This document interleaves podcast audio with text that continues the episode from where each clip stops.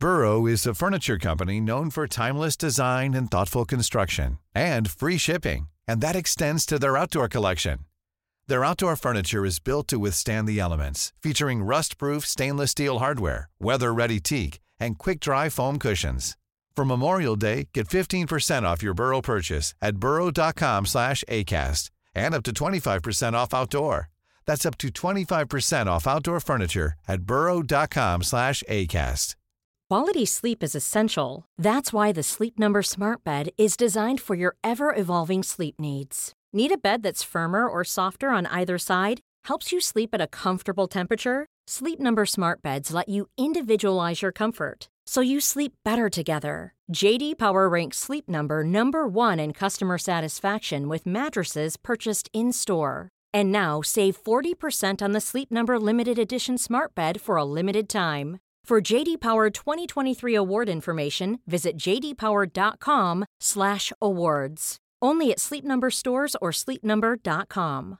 Ready to pop the question? The jewelers at BlueNile.com have got sparkle down to a science with beautiful lab-grown diamonds worthy of your most brilliant moments. Their lab-grown diamonds are independently graded and guaranteed identical to natural diamonds, and they're ready to ship to your door. Go to BlueNile.com and use promo code LISTEN to get $50 off your purchase of $500 or more. That's code LISTEN at BlueNile.com for $50 off. BlueNile.com code LISTEN.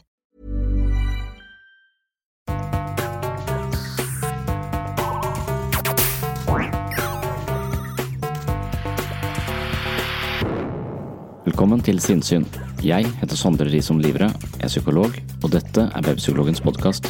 Hverdagspsykologi for fagfolk og folk flest.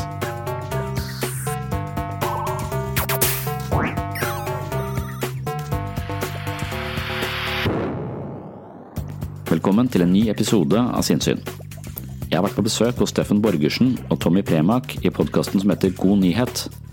Det var to hyggelige og interessante mennesker som driver en podkast om alt som interesserer dem. Psykologi var blant de temaene de er opptatt av, og derfor snakket vi en times tid om litt av hvert innenfor faget. Det er vanskelig å kategorisere denne samtalen innenfor et bestemt tema, ettersom vi snakket om alt fra døden, psykologisering av samfunnet, Jordan Peterson, empati og hvorfor jeg har mellomnavnet Risholm. Det var uansett god stemning, selv når vi snakket om døden og jeg fikk lov til å publisere samtalen her på Sinnsyn. Jeg var ikke helt forberedt på å snakke om døden, derfor er jeg litt usikker på hvor mye jeg skulle gå inn i temaet. Det er imidlertid et tema jeg har tenkt mye på, og det utgjør ett av 16 kapitler i min nyeste bok som heter Psykologens journal. Etter samtalen med Steffen og Tommy vil jeg derfor spille et utdrag fra mine tanker om døden og dødsangst. Hva er døden, hvorfor opplever jeg den som skremmende, og hvilken betydning har livssyn for vår holdning til og håndtering av døden? Dersom du er interessert i de eksistensielle spørsmålene ved menneskelivet, der hvor det er vanskelig å finne entydige svar, håper jeg at du sjekker ut Psykologens journal, hvor jeg har brukt årevis på å dykke dypere ned i ulike perspektiver på våre grunnleggende eksistensvilkår. Denne boken får du, i likhet med mine andre bøker, til best pris med gratis frakt og rask levering på webpsykologen.no. De som ikke er så interessert i døden, meningen med livet og frivillige, kan bare trykke på stopp når samtalen med gutta i God nyhet er ferdig, og de slipper selvfølgelig å gå inn på webpsykologen for å bestille Psykologens journal. Så enkelt er det. En annen ting jeg vil nevne før jeg spiller av første del av dagens episode, er psykologistudentene fra Budapest. Jeg får spørsmål om dette, men jeg syns ikke jeg svarer veldig godt. Jeg fokuserer på at psykologisk behandling ikke er noe man kan bli god til ved å fylle hodet sitt med kunnskap. Det handler ikke så mye om hva man kan, eller hvor mye erfaring man har, men snarere hvordan man er som menneske. Jeg mener at en god terapeut har jobbet mye med seg selv, kjenner seg selv og har et ego i rimelig balanse, slik at det ikke forstyrrer relasjonen til pasienten. Jeg mener også at god kunnskap er en viktig faktor, men tilegnelse av kunnskap er på sett og vis den letteste delen av å bli psykolog. Dette er egentlig ikke noe svar på spørsmålet om studentene fra Budapest, men snarere en avsporing. Når det gjelder studentene fra Ungarn, kjenner jeg ikke saken godt nok, men jeg kjenner flere av studentene som kommer derfra, og jeg har hatt flere av dem i praksis her ved gruppeterapeutisk enhet. Min opplevelse er at disse folka er dyktige, har masse kunnskap, og de viser at de klarer å bruke den kunnskapen i praksis. Min erfaring er med andre ord utelukkende positiv. Dernest har jeg en tendens til å stole på at universitetene rundt om i Europa holder en ganske god standard. Å trekke utdannelse fra andre land i tvil virker arrogant, særlig når det er snakk om land innenfor eller i nærheten av vår egen kulturkrets. Dersom studiene er bygd opp på en annen måte og krever veiledet praksis og lignende etter studietiden, synes jeg man bør legge til rette for dette, eller gjøre det klart i forkant at dette studieforløpet ikke lar seg integrere i Norge, men det må folk altså få vite i forkant. Måten psykologistudentene fra Ungarn har blitt behandlet på, synes jeg er forferdelig. Jeg husker selv at jeg kom ut fra universitetet og var usikker på meg selv og hva jeg kunne bidra med. Og når man da møter et system som attpåtil så tvil ved din kompetanse, er det det motsatte av hva man trenger for å bli en god terapeut, bli trygg og finne sin plass som utøver av psykologifaget. Jeg er glad for at problemene til studentene fra Budapest ser ut til å løse seg på en grei måte, men det tok virkelig altfor lang tid. Jeg ønsker alle tidligere og kommende studenter fra Ungarn lykke til som psykologer, og håper at de kan legge autorisasjonskontoret bak seg. Og Det var stort sett det jeg ville si om eh, den saken, og det var også det jeg ville si som innledning til dagens episode av Sinnsyn.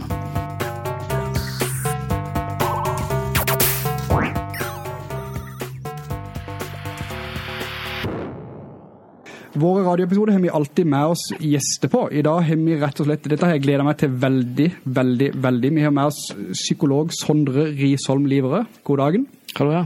Var det navnet i riktig rekkefølge, Sondre? Mm. Ja, perfekt det. Det er jo tre navn. Det, jeg har også tre navn. Det er, ja. ganske, ganske deilig å ha tre navn.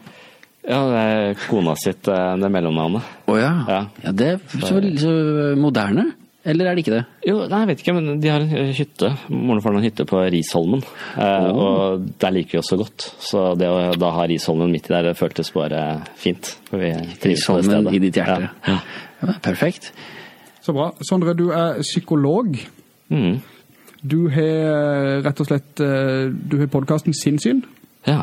Og du har jo hjemmesida webpsykologen.no. Mm. Eh, jeg har fått hørt en del på din episode. Eh, en periode så hørte jeg såpass mye at jeg måtte bytte litt, rett og slett. Ble, jeg hadde begynt nesten å drømme om eh, stemmen din om natta. veldig, veldig interessant å høre på. Du har jo gitt ut to bøker, 'Selvfølelsens psykologi' og 'Jeg, meg selv og selvbildet'. Mm. Og har nå ei tredje bok, 'Up and Coming', som kommer ut var det 10. september. Det stemmer, det. Ja. Som var psykologens journal. Ja. ja. Riktig. Den, eh, der så jeg, for å gi en liten sånn en uh, shoutout, så kan du spare litt penger på å forhåndsbestille den boka på nettsida di, så jeg. Uh, ja, vet ikke om du sparer Jo, du sparer litt penger, og så får du en signert versjon av det som er uh, greia der. Ja, ja. ja, det, det, ja. Det er jo ganske, en ganske god deal, spør du meg. Jeg vet ikke om det er noen som kan skrive det i boka dere får det. Men da får du kanskje litt billigere, siden noen har skribla inn. Mm. Ja, ja. Interessant. Du, jeg må, spørre, jeg må, begynne med å spørre uh, hvorfor du valgte å bli psykolog? Eller valgte du det ikke? Nei, det gjorde jo dypest sett ikke det. Jeg har ikke noe frivillige, så det bare skjedde. Psykologien valgte deg?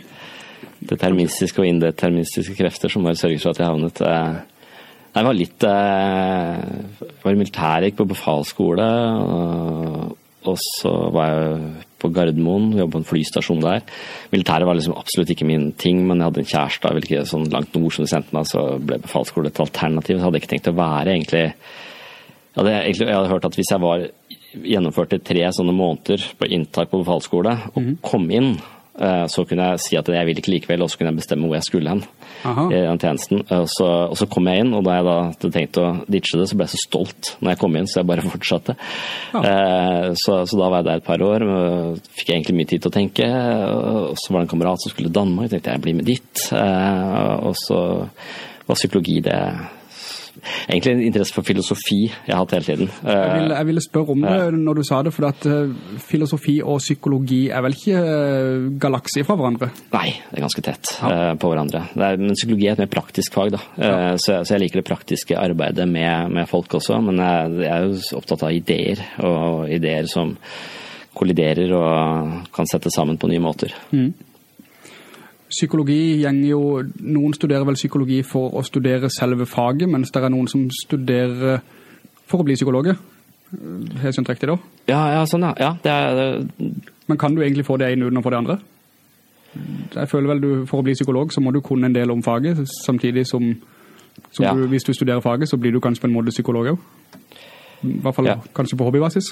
Ja, det er vel den praksisen som, eh, som kommer ut på det å bedrive psykoterapi, eller ha folk i behandling, som er eh, forskjellen. Så, så de som tar psykologi som en sånn master, eh, eller bachelor-master, de kan på en måte formidle faget og bruke faget, men, men de kan ikke praktisere som behandlere. Da. Så da må du inn på dette embetsstudiet, som de, jeg vet ikke om de kaller det det nå, det er lenge siden. Ja.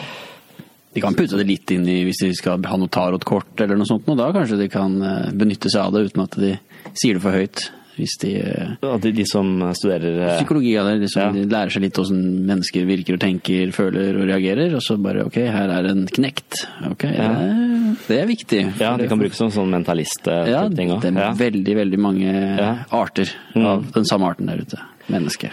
Yes, eh, vi skal prate masse, masse mer om både deg selv og psykologi. Vi skal ha en kjapp liten pause. Første låta ut i dag er ingen ringer enn Dolly Parton med låta Jolene.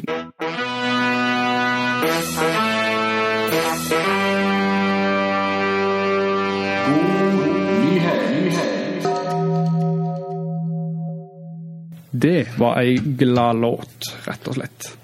Du som er ø, psykolog, og så ser du Dolly Parton. Gjør, gjør det deg noen tanker som du tror ikke andre mennesker gjør seg? Det er liksom som, det er så mange aspekter ved den eh, artisten. Du trenger ikke du å fjerndiagnostisere på en eller annen måte, eller noe, men noen andre briller har nok du kanskje en uh, menig mann. Nei, da ser jeg vel bare pupper og lepper. Er det, Pupper og lepper, ja. Ja, det er riktig Jeg svar. noe Som oss andre. Ja, jeg har ikke noe ja, nei, eh, det kan jo være at man man pynter veldig masse på fasaden, så er det en eller annen grunn til det. Ja. En kamp mot døden. eh, Det er også kanskje en kamp mot døden òg, ja. Altså, jeg, jeg er ikke Ja. profesjonell på dette her, det er jo Ja, du som Nei, det er jo det er absolutt et, eh, en tematikk, det der. Altså ikke ikke ha forsont seg med døden. Det har vel ingen egentlig. Jeg Trodde Per Fugle hadde det, men så hadde han ikke det likevel. Nei, det, Nei, og når, når ikke engang Per Fugle klarte det, så eh, hvem skal da klare det? Nei. sitter han langt inne, tror jeg. Ja. Du har snakket en del selv om din frykt for døden. Ja. Eh, hva skyldes det, tror du? Det det? Jeg tenker litt som, som psykolog så du, virker du det virker, Eller du virker, jeg kan ikke si det, men som psykolog så virker man kanskje opptatt av å få svar på alle ting i hermetegn. Eh, er det noe med det uvitenhets... eh, si, problematikken rundt, rundt det, hva som skjer etterpå?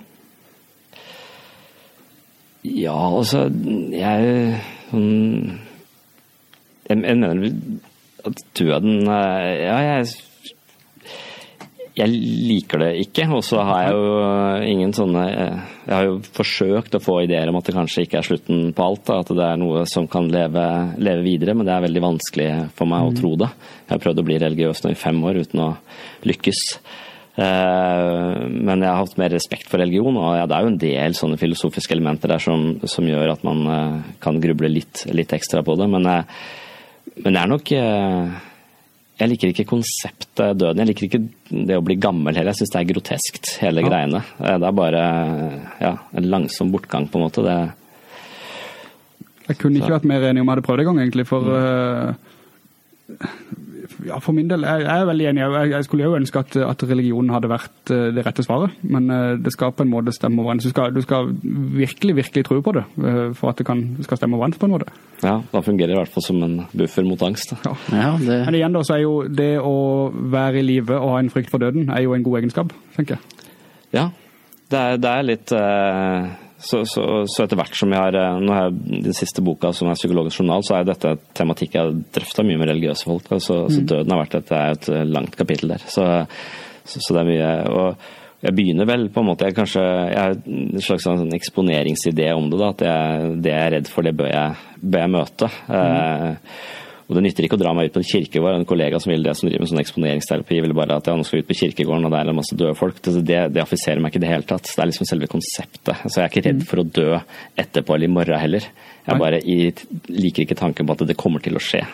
Så, så jeg er ikke sånn, eh, sånn akutt dødsangst. Det er bare liksom sånn filosofisk dødsangst. eh, kan man si. Så, men så tenker jeg at for å, for å, virkelig tåle det, så må man kanskje stirre døden i hvitøyet. Da. Man må liksom eh, gå inn og, og, bli avklart med det. Og jeg har kanskje en sånn viss tro på at det er mulig, da.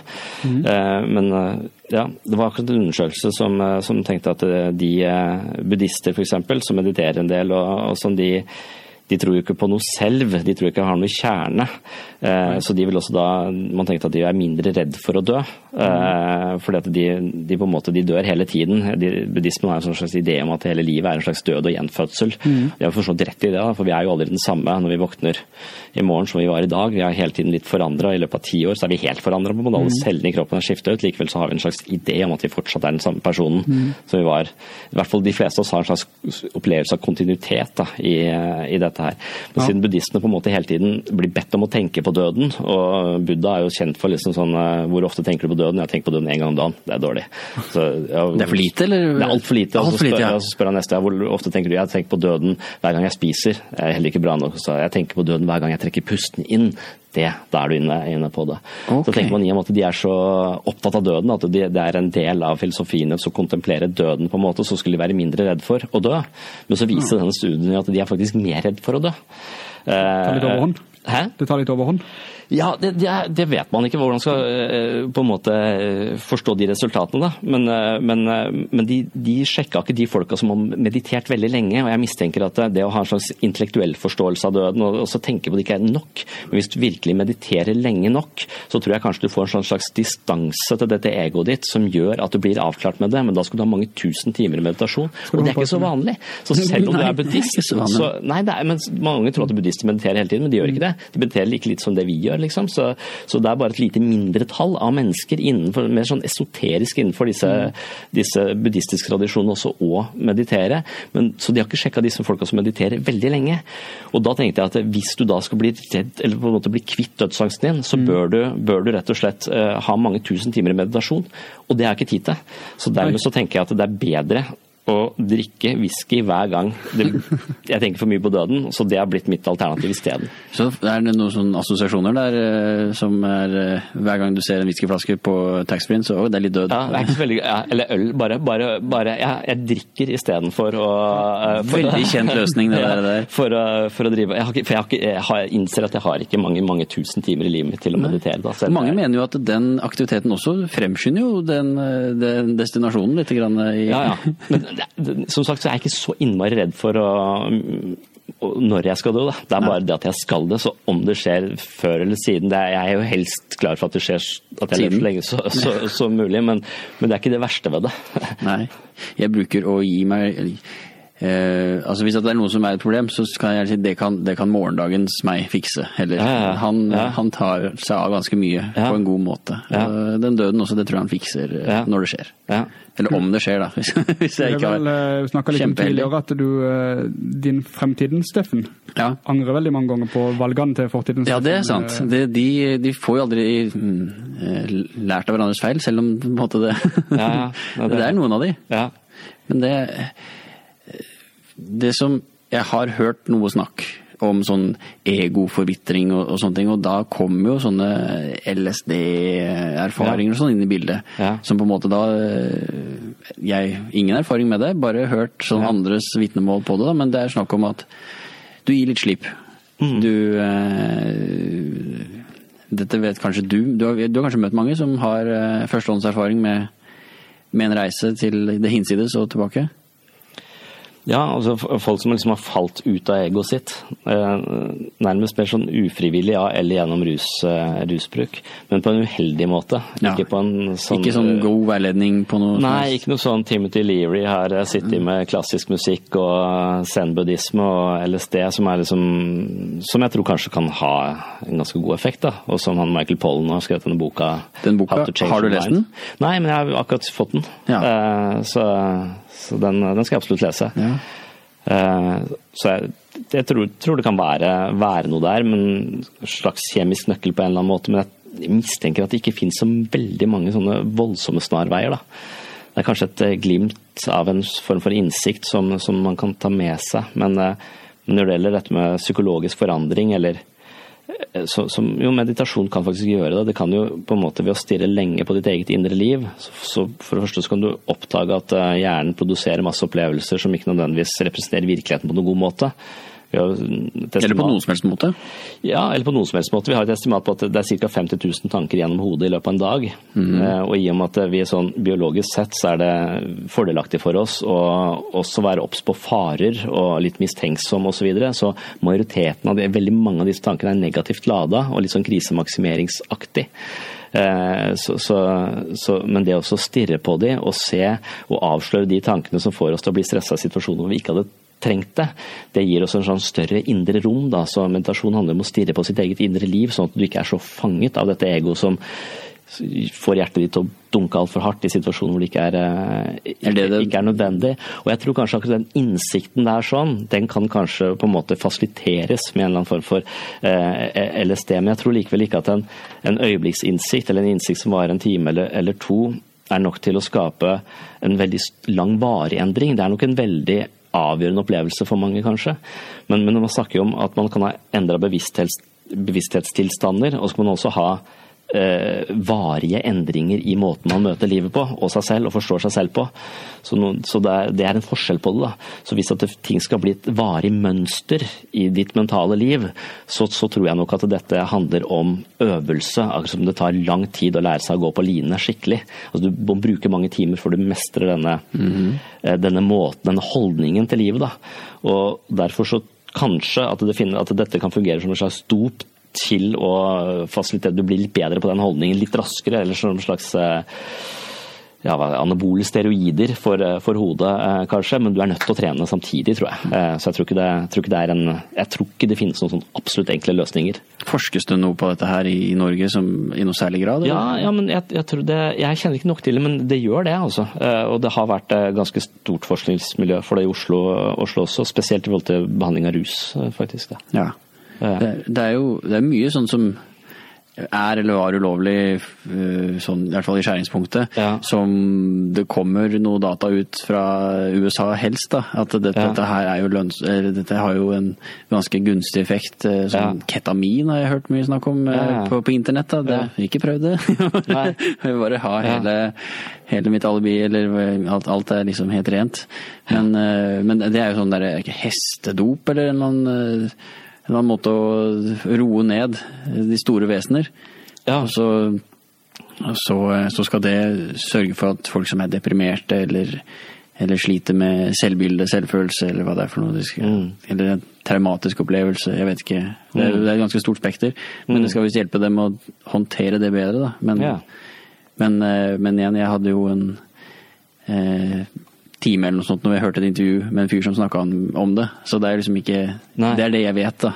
ja, jeg vet ikke så mye om det, det heller, men, mm. men, når det gjelder meditasjon, altså det, så handler det om å det, For psykoterapi handler jo om å skape en slags distanse til denne hjernefabrikken som produserer alle opplevelsene, sånn at du istedenfor å være fanget av de opplevelsene som du blir presentert for, kan på en måte ha en slags visshet om at hm, dette kan representere virkeligheten til en viss grad, men ikke i et absolutt forhold. Så, så det handler litt om altså, at hjernen vår sier at den er så ofte så negativt lada. Dette får jeg ikke til, dette er ikke bra nok osv. Så, videre. så så fanger den oss, og så får den å tro på de ideene, så vi blir de ideene. Eh, mens hvis vi kan forstå at disse ideene bare er sånn, eh, litt sånn karikaturer av oss selv. Eh, så de ligner oss selv på samme måte som en karikaturtegning ligner oss. Disse negative tankene vi har, det er kanskje noen negative sider vi har, men de er ikke så voldsomme, de er ikke så altomfattende som disse tankene får oss til å tro.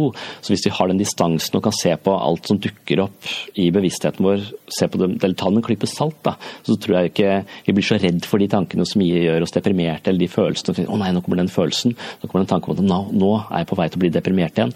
Og når, da blir du redd, og så får du enda mer angst, og så, så baller det bare på seg. Så det er jo når dette, disse mentale snøballene begynner å rulle, så er det, er det, ganske så er det veldig lett å få tilbakefall. Mm -hmm. Så det man har sett, det, det, man vet sikkert om mindfulness f.eks., som er den på den vestlige adopterte varianten av meditasjon, så, så, er det at den, det det fungerer best på, det er eh, på en måte å forebygge nye depressive episoder.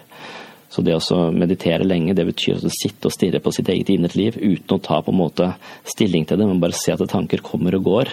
Og, og vite at eh, jeg er den som ser tanken, jeg er ikke tanken, så du er ikke fanget av det. Det blir jo litt som å sitte i en kinosal. Da vet du at det er en regissør som står bak dette her, og som har gjort alt han kan for at du skal på en måte fanges i den filmen, og kanskje etterpå bli redd for å gå hjem aleine, fordi at den filmen skremmer deg sånn, selv om du innerst inne vet at det bare er en film. Det er bare noe som er regissert. Så en god film skal jo oppsluke oss. Eh, men, og det er det samme vårt indre liv gjør, da. det oppsluker oss. Men ofte så er det en dårlig film som er ganske negativt lada. Derfor blir vi oppslukt av noe som er slitsomt og anstrengende for oss veldig ofte. Og da bør vi avsløre at dette er en mental film og ikke nødvendigvis virkeligheten. Så helt ned til dette er eh, elektriske signaler og osv., eller kan vi liksom stoppe litt før det, tenker du? Nei, jeg, jeg, tenker at det, det, jeg driver med i alt jeg holder på med, er egentlig bare å bare finne ut av eh, flere måter å se dette på. Altså Kina, kino er en metafor på dette. Altså vi ser en kino, vi oppslukes av det. Det kan være et bilde på vårt eget indre, eh, indre liv. Og hvis du da tenker at vi er bare nevrokjemi, og denne opplevelsen du har nå, den er egentlig falsk. Den handler bare om at du mangler dopamin eller har for lite eh, adrenalin eller et eller annet sånt. Bare at det er en eller annen nevrokjemisk ubalanse. Eh, så kan det også få deg til å tvile på, opplevelsen, sånn at den ikke tar like sterkt overhånd. da. Eh, så, så, alle historier som kan på en måte skape litt større avstand til ditt indre, indre liv, tror jeg kan være greit å tenke på for å for ikke ja, for å, for å ha større plass i seg sjøl til å tåle følelser. da. For hvis vi ikke tåler følelser, så må vi holde, bruke masse psykisk energi på å holde de utenfor livet. ikke sant?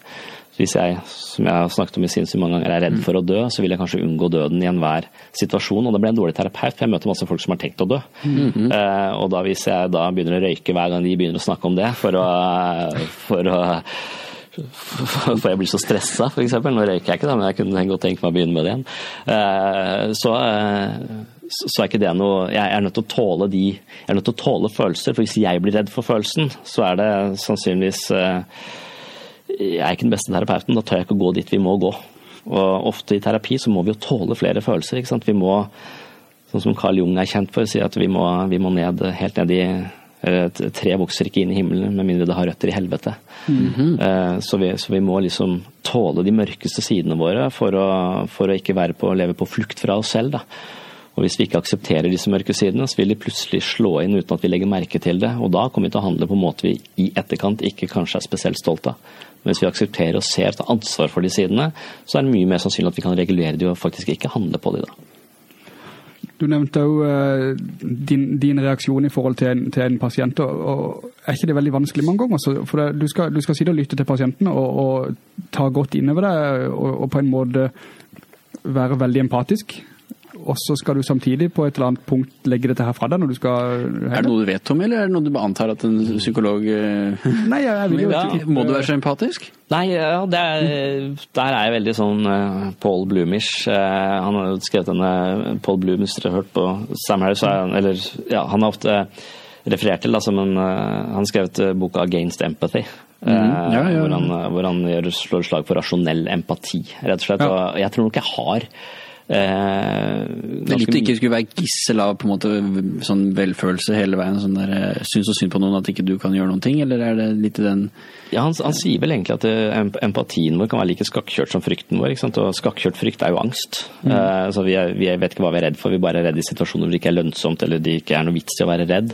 Og at empatien vår kan spille, kan spille oss et puss på samme måte. Den er veldig sånn lokal, da, så vi kan føle veldig mye for de som er rett foran oss. Vi kan føle oss veldig hvis vi overtar den andres uh, smerte, uh, mm. så, så, blir vi bare nedtrykt av det. Ja, Det er det jeg tenker på i forhold til Men, den, eh, den biten som legger, legger fra seg.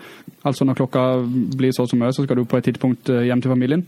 Ja. Det også, jeg ser for meg for min egen del, i alle fall. Det er derfor jeg, derfor jeg lurer på det her. For jeg ser for meg at jeg fort hadde dratt med meg de tankene og problemene hjem. da. Men, ja, Får ikke ja. rensa det vekk på en måte i døra, eller har ikke noe sånn klut, Nei, men, men, eller Men jeg, jeg, ser ikke på det på den måten. Så, så, så, derfor så, så Jeg ser heller på det altså at jeg For det første så, så har jeg overhodet ikke noen sånn problemer med det, og de som på en måte kjenner meg fra terapisituasjonen vil ikke oppfatte meg som veldig empatisk heller. Um, det er ikke min sterkeste uh, side, men, men, ærlig, tror jeg. Uh, så, så, jeg er nok jeg, jeg er uh, veldig oppriktig hele tiden, og, og jeg er alltid ute etter å lære meg å like folk. Ja. Så, og alt det jeg umiddelbart ikke liker, det er jeg interessert i å finne ut av. Og jeg er nødt til, mm. da nødt til å snakke om det. på en måte, ja. Eller hva, hva, skremmer meg med deg? Hva er på en måte eh, Hva gjør at jeg ikke eh, klarer å være direkte overfor deg eller åpen mm. overfor deg, så jeg er interessert i de mellommenneskelige tingene der. sånn. Men når jeg da kommer hjem og, og, har møtt mennesker som virkelig lider og virkelig har det utrolig kjipt og vært i situasjoner som er helt forferdelige, og når jeg tenker på det da, så, så får jeg jo en følelse av Jeg får faktisk en følelse av slags godhet da, ved det. Fordi at, jeg, fordi at det, det er en slags bekreftelse på at jeg bryr meg. Jeg har et bånd. Jeg tenker på dette mennesket som lider, og det, det gir meg en følelse at det, hm, det, er mulig å være glad i et annet menneske. på en måte, eller det, ja, ja. Jeg bare En bekreftelse på at jeg bryr meg. Ikke ja. at jeg skal For jeg føler ikke noe ansvar for å fjerne folks Nei, lidelse. da. Det, det, er den tingen jeg tenker er viktig å, å, klare å skille med. Men du sier uh, i forhold til det å være ærlig Du snakka i din forrige podkastepisode om, om, det her med løgn. Og, og, at det er veldig viktig å være ærlig overfor, overfor pasienten. da.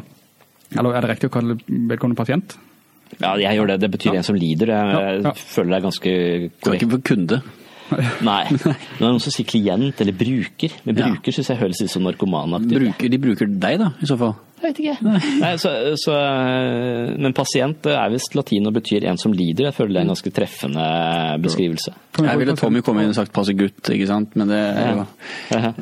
Det er din vits, det, Tommy. Det eie. Burde jeg hatt. Mm. Uh, nei, jeg tenker i forhold til det, det å være ærlig overfor pasienten, da, så tenker jeg at er det en Eller en, en, eh, person som kommer gående til deg som trenger oppriktig hjelp, uh, er det ikke mange ganger begrensa hvor mye ærlighet vedkommende kan tåle? Jo. Ja. Så du må, men, du må, være veldig ærlig, men samtidig vokte deg litt på, på noe hår? Ja, at, uh, at, jeg må på en måte ligge jeg, må, jeg, føler jeg må ligge helt oppunder taket for mm. hva som er, er, er, mulig. Men det betyr jo ikke at jeg har noen sannheter om folk heller. Nei. Men jeg opplever de, og de opplever meg, og opplevelsen jeg har av dem kan like gjerne handle om en eller annen feilkobling i meg. Så, så, så det å være terapeut vil være at du alltid er dobbelt interessert, og interessert i ok, jeg opplever deg på den måten, mm. uh, men jeg har tendens til å oppleve den typen på den måten. Hva sier det om meg? Så, så, jeg må hele tiden undersøke mitt eget, mm. uh, mitt eget, utgangspunkt, og det snakker jeg også Så det å være Jeg jobber bare i gruppeterapi. Så det å være i gruppeterapi ser jeg ikke på som at jeg, jeg ser på det som alle som er i gruppeterapi, er både pasient og terapeut samtidig. Deres ja. oppgave er å fortelle andre hvordan de faller ned i dems hode, ja, det, og vice versa. Altså. Ja, for du snakket, du nevnte, det, det, var vel i, i, forrige episode det tror jeg du nevnte det at, at en av de andre terapeutene, så tenkte jeg, hæ? Sier det ikke du med andre pasienter? Men, men mm. da, da skjønner jeg det, ja. Ja, vi har åtte, åtte pasienter og to terapeuter i en, ja. en gruppe. Ja. Hun terapeuten som jeg, som jeg, jobber med hver eneste dag, som jeg er tettest på, på en måte, hun, hun er sånn fantastisk vesen. Sånn varm og uh, ekstremt empatisk, ekte, genuin, på en måte. Mm. Uh, og, og, jeg er nok litt mer sånn brå og litt sånn ja. frekkere. Så hvis vi tenker på terapi som en blanding av å støtte folk og bokse de nyrene, så, har yes. vi, så, pass, så utfyller hverandre godt. Dere kjører good terapeut, bad terapeut? Ja det, ja, det kan virke litt sånn, men, men det er nok også fordi at jeg av natur er litt sånn jeg er nok litt utålmodig, kanskje. Det er ikke min uh, beste egenskap. Som pappa også, så er jeg nok litt sånn Ta deg sammen. Altså, jeg... Du blir ikke noe mer tålmodig med tre unger, eller? Nei, nei overhodet ikke. Jeg, sånn, jeg, fot, jeg, er fotballtrener også for laget til, til dattera mi. Ni år, det er tredje året jeg er trener nå. Men første året så var det bare alle ble skada og grein hele tida. Og det, og det virka som en sånn appell hele tiden. De ville bare bli sett av omsorg. Istedenfor å spille fotball, så var det bare skader og alt mulig. Til slutt måtte bare dele laget. De som er skada ved trøst, de går hit. Og de som faktisk vil spille fotball, de er her borte med Sondre. De andre går der. Så, så det var liksom ikke ja, Det er ikke min sterke side å trøste nødvendigvis, altså. Selv om jeg vet at det er viktig og trengs, så, så er jeg glad at kona mi er god på det. Ja, men da må man sette rett mann på rett plass. ikke Ja, det er nettopp det man må. Ja. Ja. Men jeg må si som sagt, jeg er utrolig fascinert av det, av det å klare også, også gå inn uh, i sånn en jobb. Vi skal ha en kjapp liten pause igjen. Uh, en gammel klassiker igjen. Det er rett og slett Donna Summer med Hot Stuff.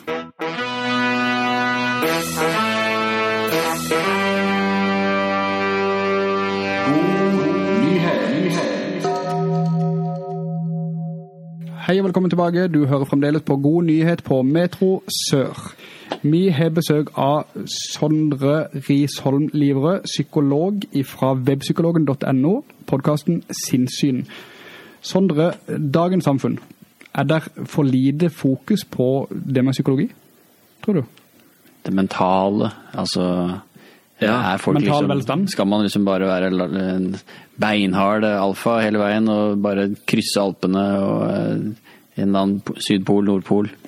Eller er eh, Ja, det er jo et, et, eh, godt spørsmål. Du, jeg kom til å tenke på det vi snakket om rett før pausen. Mm. Bare eh, at eh, eh, For jeg høres litt sånn hard ut der. Jeg er veldig glad i mennesker. Og det er Mm. en ting som har, har endra seg ved å være mye i gruppeterapi. At jeg, jeg på en måte Jeg blir stadig mer fascinert og, be, og beundrer andre mennesker. Og, eh, så, så, så, men, men det å være ærlig ser jeg også på som en slags god ting.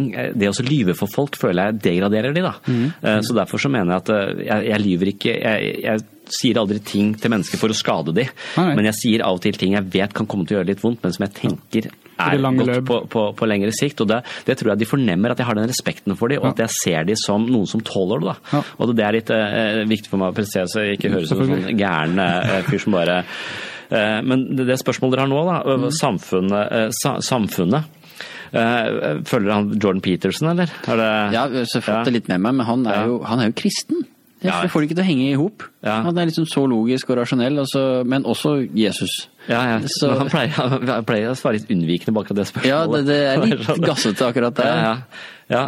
Nei, jeg, jeg vil si både òg. Altså, jeg tror at det er for mye psykologi. At eh, ting blir psykologisert. Eh, så En viktig del av min jobb er å holde folk utenfor psykiatri. Eh, og Det er noe som heter et inntaksteam. Så, så jeg har litt sånn følelse av at alt som gjør vondt i livet, kalles for en psykisk lidelse. Og det er det ikke, for livet er jævlig. Eh, ofte. Eh, for mange. Eller for de fleste. Ja. Så får vi dritt i trynet, på en måte. Så, så det er en, en del av eh, av livet. da. Uh, og, og det også hele tiden diagnostisere det, eller kalle det for et eller annet uh, og gi det noen medisiner, det tror jeg ikke vi er tjent med. Så jeg syns kanskje på én side at eh, vi har en litt sånn forventning, det som Per Fugle kalte nullvisjonen, at vi har en slags forventning om at vi skal bare skli gjennom dette her helt uberørt, og at alt skal være greit, og at vi tåler kanskje litt lite på sånn samfunnsnivå. da. Det gjelder jo ikke nødvendigvis enkeltmennesker, men at vi, vi, vi må bli litt tøffere, kanskje. Hvordan da? Hæ? Hvordan blir man litt tøffere? Nei, Det er jo Jordan Peters sitt poeng, er det ikke det? At, eh, at vi skal liksom tåle vår eh, skjebne, da. At vi skal, vi skal eh, så Han snakker veldig mye om dette med orden og kaos. og Han, han beskriver egentlig Jesus som en sånn slags bilde på selvet også, eller det er kanskje Jung som gjør, men at, at Jesus er denne personen som på en måte er, eh, gjør alt riktig og er helt fantastisk, men likevel så, så blir han korsfesta, og han blir svikta, og han blir piska. Alt faenskapet skjer med han. da, Den, den eh, sånn arketypisk tragedie, mm. på, på en måte. Og så, og så dør han, men så gjennomstår han etter tre dager. Og at dette på en måte er et bilde på det å være menneske. At vi vil på en måte kunne gjøre alt vi kan. og Vi vil ha karriere, vi har barn, gjøre vårt beste hele tiden. Og så plutselig får vi kreft. Og så bare blir alt svart. Ja, det passer jo dårlig. Ja, det passer ekstremt dårlig, ikke sant? men sånn er livet. Og, det, og da kommer det Så vi, vi kommer til å komme i dype og inderlige kriser hvor alt er svart, alt er bare kaos. Men så er på en måte disse bibelhistoriene som han hele tiden refererer til, kanskje et slags bilde på at ja, sånn har det vært for mange mennesker, men i dette sorte kaoset så er det en liten hvit prikk, kanskje en yin og yang-idé der, om at det faktisk er mulig å skape orden i kaos igjen, og da gjenoppstå som et helt nytt menneske. Eh, og at dette også er bildet på psykoterapi, egentlig. At eh, du går rundt med noen forestillinger om at jeg er ikke sånn og sånn og sånn, og sånn, og så må du forlate de forestillingene, og da veit du ikke hvem du er lenger. Og det er en ekstrem krise. Du slår beina under folk. De, men når de da klarer å pakke seg selv sammen, så vil de ha gjennomstått som noe annet enn det de var før de begynte i terapi, f.eks. Så dermed så er ikke terapi en behagelig situasjon. Det er ofte en, en krise du skal igjennom, som du skal vokse på. Og det kan være at noen kriser dauer vi av. Men noen kriser kan også styrke oss på en, eh, på en måte. Så, eh, så, så det også at det tåle motgang og akseptere motgang som en del av eh, Eller smerten ved livet som en del av det å leve, og en mulighet for vokse og gjenoppstå som noe annet og noe kanskje sterkere enn det du var før krisen, tror jeg er en del av eh, livet. Hvis det går for lett for oss, så blir vi dumme, teite, overfladiske og ja. Altså Her får jeg bare lyst til å bare skyte inn, altså, bare for å snakke litt om meg selv her. Kom eh, Som dum og overfladisk. Ja, altså, ja, altså, alt dette her stemmer jo, men eh, det går over noen ganger kanskje. Ikke mange dager siden så var jeg eh, på Trolltunga og så utover. Og for å komme til Trolltunga så skal du jo spasere deg halvt i hjel, ikke sant? Og så syns du sjøl at du har gjort en, en bragd nesten med å Har du vært der og sett Det har ikke vært det. Nei, Nei. det er eh, jeg anbefaler det på en måte, fordi det, jeg sitter med gnagsårplaster her eh, på begge bein som et eh, resultat av det. Og noen, alt er ømt da, enda. Men du, du går i den ganske storslåtte naturen som, som er oppe i det området der, og så begynner jeg å tenke sånn meta, sånn ok, dette syns jeg er fint, men hvorfor syns jeg det er fint? ja. Og det, så er, det fordi at jeg er så liten og det er så stort? Altså, og så blir det litt forringa fordi at det, det, er 100 000 som besøker denne faenskapet hvert år. ikke sant? Så det blir, sånn, ok, det, det, det litt, blir litt utvanna likevel. Og så igjen eh, For å komme dit så skal jeg gå opp massevis av sånne steintrapper som noen har bygd, ikke sant? Og ok, jeg bare spaserer på en trapp. De her er sherpaer Ja, sherpaene har jo vært der i lang tid og blir flydd inn fra verdens høyeste plass. Og, så, og da liksom, kom jeg liksom ned på jorda igjen. Da, ganske, ok, jeg spaserte en liten tusletur, men, men igjen eh, Du får liksom en annen luft, du får masse voldsomme inntrykk og sånne ting. Jeg, jeg tror inni meg i hvert fall at eh, hvis du bare beveger deg i det samme miljøet Ok, Kristiansand er et fint sted, herregud, men, men det å komme seg ut og så bytte kanskje litt grann omgivelser og, og det hele En liten Ja. tur til Hurum. En liten tur til Hurumlandet, det Ja. er eh, Jeg, jeg veit ikke åssen eh, åssen det på en måte kan kvantifiseres på noen måte, annet enn Jo, at det helt, føles riktig. helt enig, og det, det er en sånn følelse jeg har også i, i psykisk helsevern. at det, noen går inn og ut av døgnpost, og på en måte det, er et mønster som gjentar seg, gjentar seg. Det er, det er, og vi er en del av mønsteret. Vi er liksom en del av problemet. Vi er ikke en løsning på problemet lenger, vi er bare en del av det mønsteret som er destruktivt. og, og, og, og noen ganger da så er det en følelse at man må liksom bare ristes ut av dette mønsteret. Men det er utrolig vanskelig, da. For den angsten forbundet med å gå ut av dette mønsteret er så stor, og det de vil helst bli kvitt, er jo angsten. Eh, Så, så når da løsningen er å røske seg selv ut av det for da å få mer angst i en situasjon du ikke er kjent med, så virker det, det virker ikke intuitivt riktig. Nei, nei. Det virker helt feil. Derfor så går vi tilbake i de gamle, gamle mønstrene. Men veldig ofte, nå er det veldig inn med sånn hva si, det økoterapi, eller det å gå tur. Altså, det var en svær konferanse her eh, for ikke, for ikke så mange måneder siden. Altså at eh, folk må ut og ja, kanskje overleve litt. da, Og komme helt ut av den settingen de er, eh, de er vant til å, å, å være i. Så, så helt, eh, jeg, jeg tror virkelig at vi må, av og til må skakes eh, litt, og at vi Noen ganger så kan man jo si at eh, av og til så tenker jeg at de menneskene jeg sitter med hver dag, da, som, som ikke er helt på felgen og ikke er, kommer rett fra et selvmord, men, men som på en måte bare har hatt det utrolig vanskelig over en, over en stund, på, på sett og vis er litt heldige, for de har kommet til det punktet hvor de er nødt til å gjøre noe med det. Eh, Så at det, det representerer en sånn krise som de var nødt til Også å ta mulighet, hensyn til. De var nødt til, ja, som en mulighet, så, så at lidelsen kan være en slags sånn mulighet for forandring, og den, den kommer med et signal om at nå må du gjøre noe annerledes. Men hvis du da bare fortsetter å gjøre det samme og det samme og det samme, og mer av det samme, som er mer og mer komfort, mer og mer behag, mer og mer alkohol, alt det som gjør det bedre der og da, eh, det, det er en dårlig, dårlig løsning. Piker, vin og sang, altså det er ikke alltid løsningen. Nei, jeg tror ikke det. Jeg tror man må, eh, må torturere seg sjøl litt. Mer sånn, ja. Det er jo en Ja. saying som sier hard, time, 'hard times makes hard men', og 'soft Mm. times makes soft men', rett og slett. Så det er, det er jo noe i det, da, tydeligvis. Ja, så vi har det veldig, veldig godt, ikke sant? Og vi har det bare bedre og bedre, men flere og flere er deprimerte. Ja. Så det er en med den eh, at det, det går ikke eh, hånd i hånd, og det er jeg bekymra for i forhold til sånn, ja, sånn kunstig intelligens og jobber som blir overtatt og sånn. Jeg tror ikke vi er konstruert for å ikke gjøre noe, da. Nei. Jeg tror at vi er nødt til å på en måte kultivere 40 timer evnene våre i en eller annen, uh, i en eller annen setting. Ja. Jeg tenker kanskje liksom, om å gjøre noe, men liksom, hvis det du gjør føles meningsløst Nå skal ikke jeg rakke ned på Narvesen her, men, men det, det Ja. å servere varme pølser hele dagen, det er jo eh, Jeg vet ikke om du føler at du får på brukt deg sjøl helt Jeg tenker ut? iallfall i mye større grad Ja. enn det å sitte hjemme, holdt jeg på å si. Så Ja. tenker jeg 40 timer i uka på Narvesen er bedre enn 40 timer foran dataskjermen. Eh, Som en aksjemegler? Mm. Skjønte du hva jeg gjorde der? Ja, eh, så eh, du prøvde å kneble meg. Ja, ja, Poenget her er kanskje at eh, hvis det er kjipt, da, så, så vil da fritiden eh, smake mye bedre. Men hvis alt er fritid, mm. eh, så, så, så vil det på en måte bare ebbe ut i meningsløshet og apati. Eh, så, så nettopp den derre Ja, du må eh, det er litt, Du må ha det vondt for å vite hva som er godt-aktig. Ja, Litt dumt fortalt. Jeg, altså, jeg har tenkt at liksom, jeg har tre barn, det er jo ganske stritt, uh, syns jeg innimellom. ikke sant? Og det, men, men likevel så vil jeg karakterisere meg selv som jeg har det mye bedre nå enn når jeg ikke hadde noen barn. Mm. Eller når jeg studerte ikke hadde noe ansvar for noe som helst. Så, så hver gang jeg påtar meg mer ansvar, altså noe som er litt ubeleilig og tungt for meg, så, så er det ikke så meningen i livet blir større òg. Så det er en forskjell på det å føle seg lykkelig, som kanskje er sånn en umiddelbar ting som er gøy der og da, men det også det å gjøre ting som er vanskelig og tungt over lang tid å mestre det, det gir livet dybde og mening, som er noe mye mer verdifullt enn sånne øyeblikkslykketing. Da.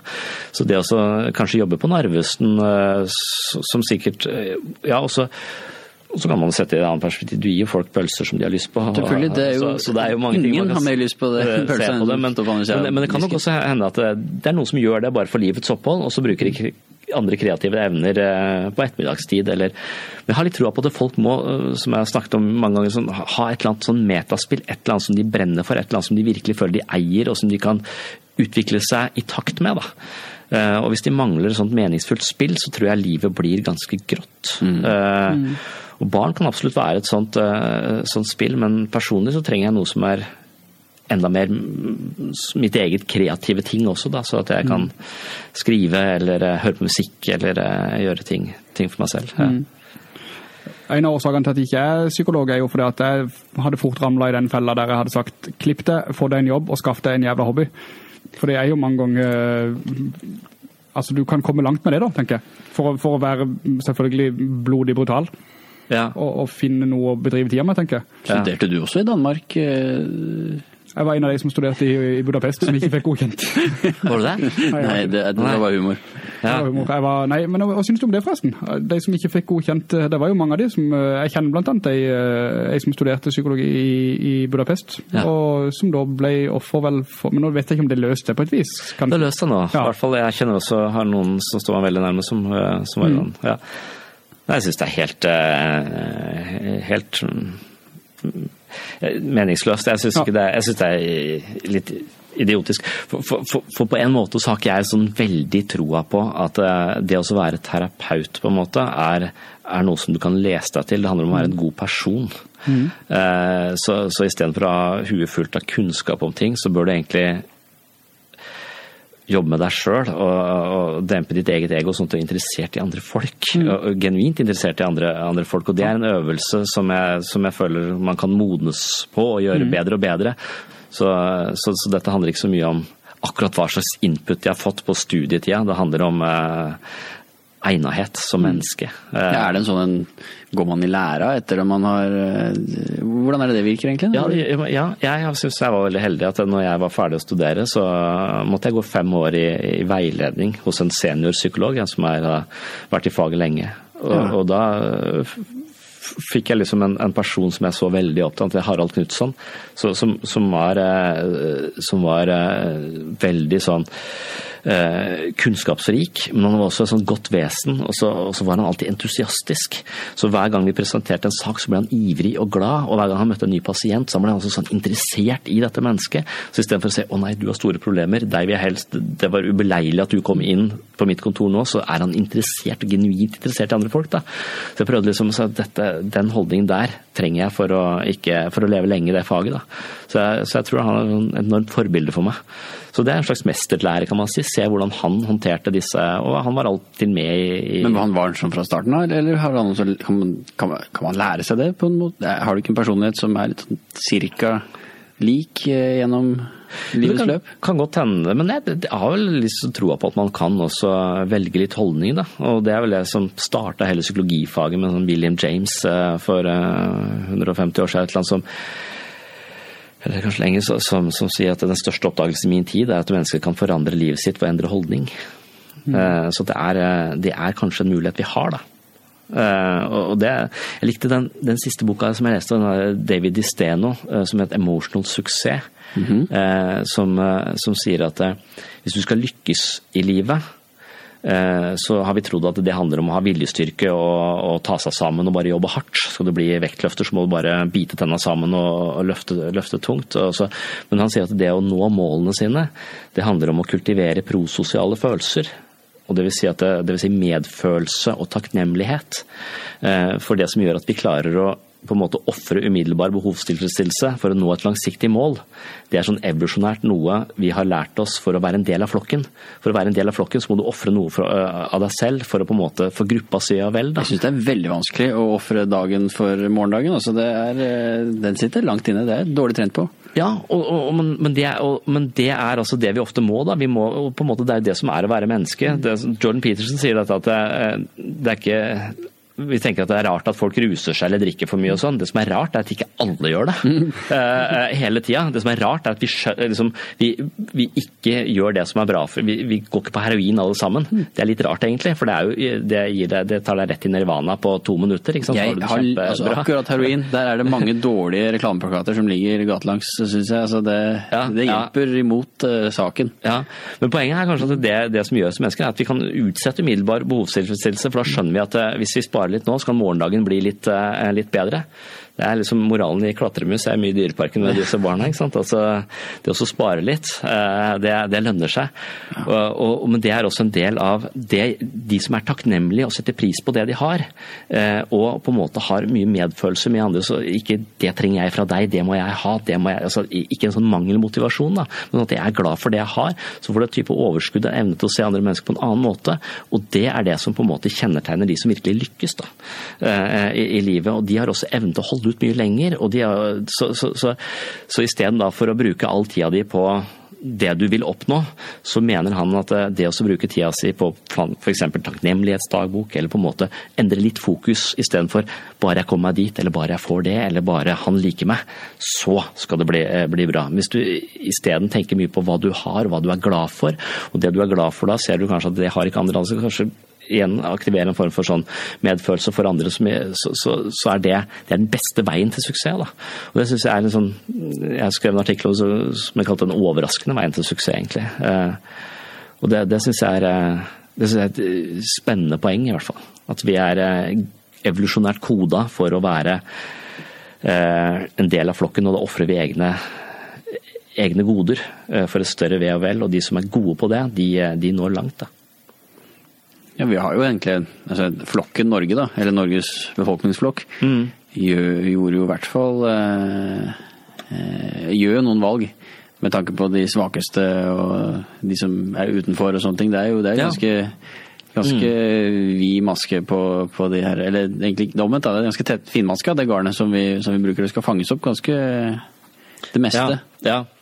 Ja da er vi over på at det kanskje blir for mye eh, igjen. At det, er, eh, at det er litt for eh, Men det er jo sånn ok, for mye, Ja. for lite. Altså, er det, Nei, men det er derfor, altså, så det å hjelpe folk er jo ikke alltid sånn Det er jo utrolig finurlig. Eh, Ja, hjelper det at vi hjelper? Er Nei, ikke sant. Det er det. Altså, så, så det vi tror er hjelp, som kanskje da er fundert i en sånn litt feilslått empati, du lider, jeg skal overta alle egofunksjonene dine, sånn at du, du slipper å gjøre noe sjøl, det er jo kanskje det man egentlig vil kalle en bjørntjeneste, men det gjør at du føler deg bra nå, jeg føler meg bra, for jeg har hjulpet deg, og så har vi egentlig bare forverra en situasjon på lengre sikt. ikke sant.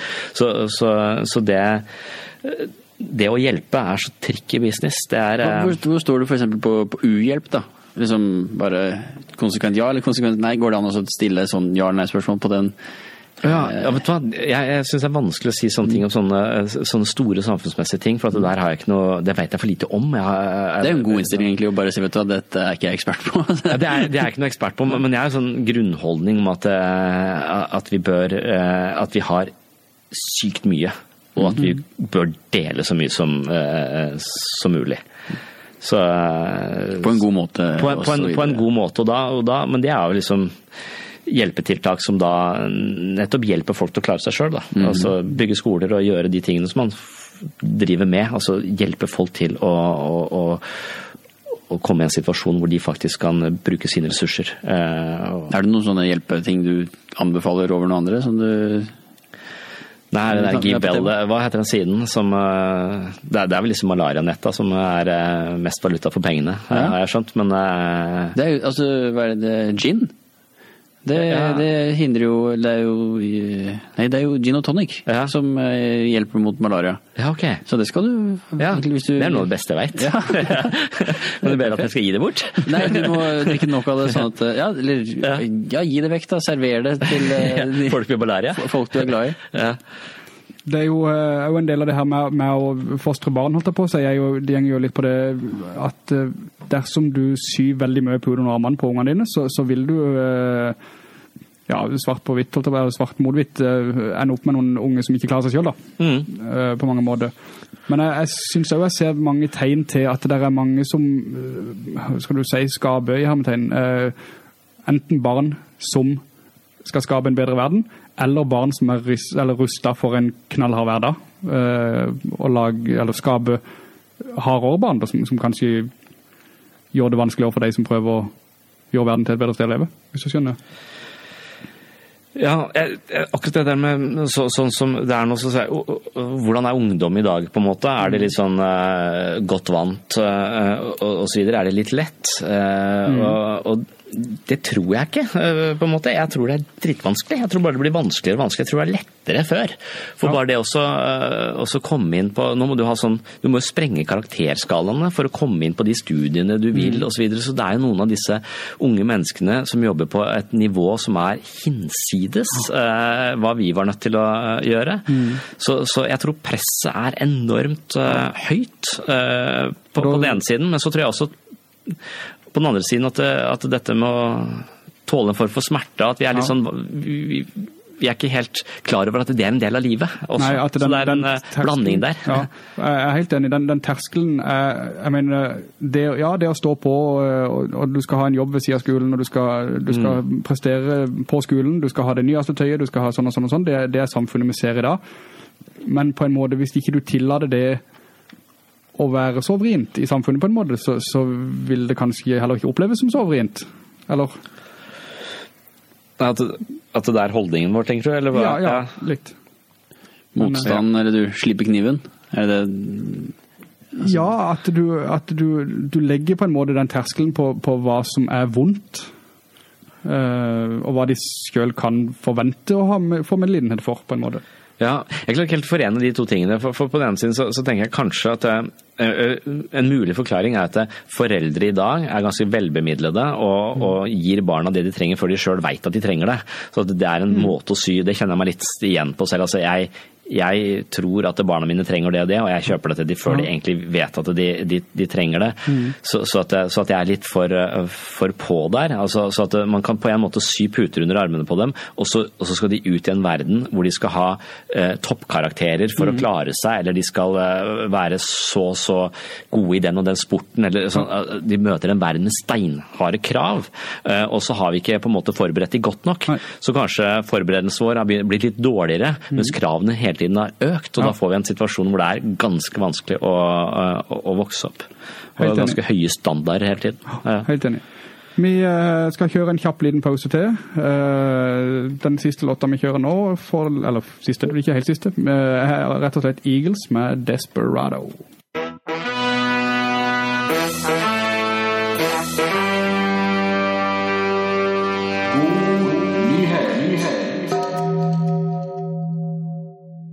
Hei og velkommen tilbake. Du hører på God nyhet på Metro Sør. Frem, oi, unnskyld, fremdeles. Jeg på sangen igjen? Skulle du den av, da? Jeg skulle, jeg skulle den av, så endrer han seg til play istedenfor. Ja. Vi har fremdeles med oss Sondre Risomlivre, psykolog.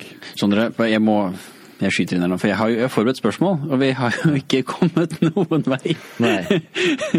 Og det skal jo bare være en time dette her, sånn, men vi har allerede bykket over det også, så det er liksom, her, Ja. her brytes alle regler. Ja. Eh, men bare sånn Jeg, jeg tar bare den øverste, Ja. for den, den, det beit jeg meg så merke i. Eh, for en tid tilbake så var jo han sjefen for VimpelCom. Eh, en som heter Jo Lunder. Han ble arrestert av Økokrim for korrupsjon nede i et eller annet eh, øst i Europa. Fordi de hadde gjort et eller annet eh, Noe smøring og noe greier, da. Og han hadde en årslønn på 500 millioner kroner. Altså Det var ikke sånn at det var han som hadde bygd firmaet. Han som, han var bare ansatt, eller bare, altså Du er ansatt, da. altså det, Du får månedslønn, som da til slutt Når du skal inn i selvangivelsen, så står det ok, inntjening det er 500 millioner kroner. Hvordan, hvordan mener noen at, uh, at de har vært det i året?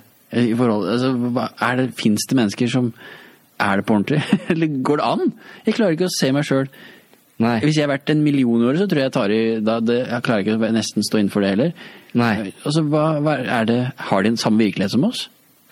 Ja, nei, det, det er et godt spørsmål. Det har jeg ikke tenkt, uh, tenkt på, men jeg kjenner den samme følelsen. Uh, jeg syns det var eh, Det er på en måte litt uaktuelt for meg å være privatpraktiserende uten sånn driftstilskudd. For da skal jeg ta penger av folk for å snakke med dem. Nå føler jeg at de har frikort, og det koster dem ikke så mye å komme til meg. Eh, og det er jeg litt glad for, ja. på, på en måte. For jeg nettopp syns det er vanskelig å selge eh, seg selv og sette en pris eh, på seg selv. Hvis du setter en så høy pris på deg selv, så har du eh, Ja, han kameraten her, han, han, han skulle jo saksøke staten av det, for han er jo han er jo uansettelig nå, mener han, ikke sant? Fordi han har jo en ripe i lakken. Det er jo, det er jo, han er jo frikjent, eller siktelsen ble droppa Ja. og alt det der. Men uh, igjen, han har jo blitt arrestert for korrupsjon som uh, administrerende direktør for et stort firma. Ja. Så han mener jo at han skal ha ti ganger årslønna si eller noe sånt noe som uh, erstatning for tapt inntekt. Ja. Og det også er jo eh, Det er jo store summer det er snakk om, men mm. jeg, jeg får ikke Jeg får det ikke til å gå i, gå i hop. Nei. Nei, det er sånne Så, så det, det Går ikke dette også litt inn i den likestillingsdebatten til han der eh, Jordan Peterson, egentlig, som, eh, som på en måte blir angrepet av alle disse feministene? eh, For han, han mener jo at det, det er forskjell på menn og, og kvinner. Eh, Åhå. Ja. Hvordan da? Ja, eh, flere forskjeller mener han på, på, på menn og kvinner, og det er jo eh, ikke politisk korrekt å si lenger at det er noe, er noe forskjell. Her er det korrekt å si. Ja, så, så, så det syns jeg også at det, det må man innrømme at det, det er det. Og så, så trekker de ja, men de tjener mindre, og de er alltid det og det og det videre. Men de har kanskje andre prioriteringer. Altså, mener han at de er de kan, være, de kan ha helt andre kvaliteter. eh, De kan være mer relasjonelle, de kanskje er mer empatiske, de er kanskje mer eh, joviale på en måte og, og, og flinkere til å gå overens med folk. og Har sånne egenskaper som gir de dypest sett et rikere liv. For den som korrelerer med det å ha et godt liv, det er å ha gode relasjoner. Eh, Så, så det at de hele tiden strever etter å ha den samme lønna som de psykopatene på toppen, på en måte, som, som har spisse albuer og hele tiden vil ha mer. De er aldri fornøyd med det de har, men hele tiden skal karre til seg noe mer og kjempe om noe mer. En slags, slags eh, ensom predator som har sykt mye penger, men likevel er misfornøyd. Uh, det er jo bare det å ville ditt jeg syns han er helt irrasjonelt. da. Eh, Så vær heller tilfreds med litt mindre drit i at disse psykopatene eh, med spisse albuer eh, tjener så mye. Ikke sammenligna med de. Tenk at de har et stusslig liv i en emosjonell ørken hvor de ikke blir likt av noen. Mm. Så at det, det ikke er noe å trakte etter. da. Og- det virker jo veldig sånn derre Ikke 500 millioner er nok. Ja, ja, ja. Hva er nok da? Mm, ja. Nei, det er, det er vel det som er et sånn type underskuddsprosjekt. Et ego i underskudd. For hele tiden ha noe fra omgivelsene for å føle seg hel. Og uansett hvor mye de får, så vil de aldri ha den følelsen av helhet. Så det blir et evig kamp om noe mer. Eh, Så det er der denne takknemligheten kommer inn i bildet. Altså endre litt fokus og være fornøyd med det man har. Så vil kanskje livet ditt endre seg totalt, og du vil kanskje få helt andre prioriteringer. Så dette er sånn Maslos behovshierarki også. Nederst er det mangel på at vi mangler noe. Vi må ha det, vi må ha mat, vi må ha? Men når vi da har fått tilfredsstilt alle grunnleggende behov, så mener Maslow vi går fra sånn eh, vi går over til noe som heter metabehov. Så behovene våre nå er ikke å få noe, men snarere å gi noe og bruke oss selv, på en måte. Så, så vi går fra å være egosentriske til mer altruistiske, avhengig av hvor mye balanse og, og vi har i oss selv, og hvor lite mangel vi føler. Men en stor grad av følelse av mangel trenger mye. Mens hvis du tenker at det, hvis du er fornøyd med deg selv, er god nok og på en måte er i balanse, så vil du plutselig ha en rausere holdning til ting, og du vil ikke være så opptatt av de der eh, 500 millionene eller de du Det er jo for lite. Det er jo altfor lite med 500 millioner. Jeg har hørt at det er 700 000 som er sånn ideell eh, sum å tjene. altså at det, Over det så får du ikke noe mer bruk for det, men under det så har du litt lite. Jeg vet ikke, at jeg har hørt det som en sånn magisk eh, grense. Det er, er det sikkert bare direkte oversatt fra dollar, det da, siden det er 100 000 dollar som er, eh, som Ja. er det, det tallet? Er det det? Ja, Ok, ja, jeg, jeg vet ikke. Jeg vet ikke hvor jeg har det fra heller. Jeg bare Nei, ikke sant. Det, vi må ikke perpetuere sånne, sånne myter her. eh. Nei, nei. Finnes det mange, eh, hva skal du si, mange, gjør det så enkelt å si, ting som ikke kan fikses? Altså hvis det kommer inn pasienter med, du har for eksempel de her eh, grusomme drapene som skjedde i Kristiansand her for ikke så lenge siden, der blant annet en, en kvinne og en gutt ble knivstukket av en ung gutt. Ja. Og Sørnesenter-drapene som de har blitt døpt. eh, sånne ting som det, der, der er jo min umiddelbare tanke at vedkommende må sperres inne på livstid. Uh, igjen for å være brutalt uh, ærlig. Eller bare tas vekk, er det det du mener? Ja, nå har vel du sagt at vi er imot dødsstraff. Ja, det er vi I faktisk. den grad, i den grad vi er det en enhet. Men, men ja Jeg tenker jo det at kan, kan sånne ting òg fikses i, i terapi? Ja, nå, hvis du snakker hvis Ikke nødvendigvis de konkrete eksemplene, for all del, men, men eh, lignende eksempler. Ja, det er jo uh, groteske, groteske ting, og, og det, det kommer jo helt eh, Og her syns jeg dette med fri vilje er et interessant tema, fordi at eh, du har folk som mener at vi overhodet ikke har noen fri vilje. Mm. så, så, og på sett og vis, hvis vi, hvis, hvis vi uansett bare er determinert av faktorer som ligger utenfor oss selv, altså vi er født med de og de gener, vi er født med den og den intelligensen, vi er født med de og de foreldrene, de og de omstendighetene på den og den skolen, som har på en måte bare installert programvare i huet vårt som går på automatikk, og som gjør at vi havner i akkurat den situasjonen, så ville du, hvis du bytta plass med dette mennesket, havne akkurat på samme sted, på en måte. Så, sånn at, så det er ikke noe som kan Så, det- så dette er en sånn fast bane. Så, så på sett og vis så er det en, en holdning du kan bruke når du møter mennesker som har gjort sånt faenskap, at de, du, du kan i hvert fall og det graderer vi jo. Hvor mye har du skyld i det du har gjort? Altså, Er Breivik er han, er han på en måte tilregnelig eller utilregnelig? Hvis han, har, hvis han er psykotisk, så kan han ikke lenger stå til regnskap, for da mener vi at det er en eh, nevrokjemisk ubalanse inni huet som er så stor at han kan ikke stå til regnskap for det han gjør. Eller hvis han har en svulst eh, i, i hodet sitt, så vil vi klandre han mindre enn hvis han ikke hadde det. ikke sant? Men så mener jo noen at alle har en svulst i hodet, så ingen kan egentlig for no, noe som helst for det de har, uh, har gjort. Så dermed så, så vil, eh, vil vi ikke nødvendigvis ha straffeperspektiv på ting, men vil vi, vi vil heller ha eh, rehabiliteringsperspektiv på ting. Så at eh, du har en hjerne som får deg til å drepe noen. Mm. Den er vi nødt til å se om vi kan reparere. Hvis ikke vi kan reparere den, så kan vi ikke slippe deg ut. Men hvis vi kan reparere den, så kan vi slippe deg ut. Og vi, og, og vi kan på en måte ikke bære det.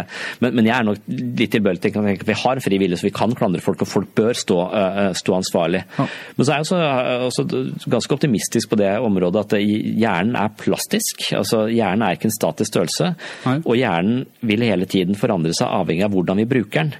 Og Normalt sett så er vi ikke så opptatt av hvordan vi bruker hjernen, dermed så går den bare på autopilot, og den formes av de inntrykkene øh, og ting som vi ikke har kontroll på utenfor oss selv. Så hjernen på en måte formes av ting som vi ikke har kontroll på.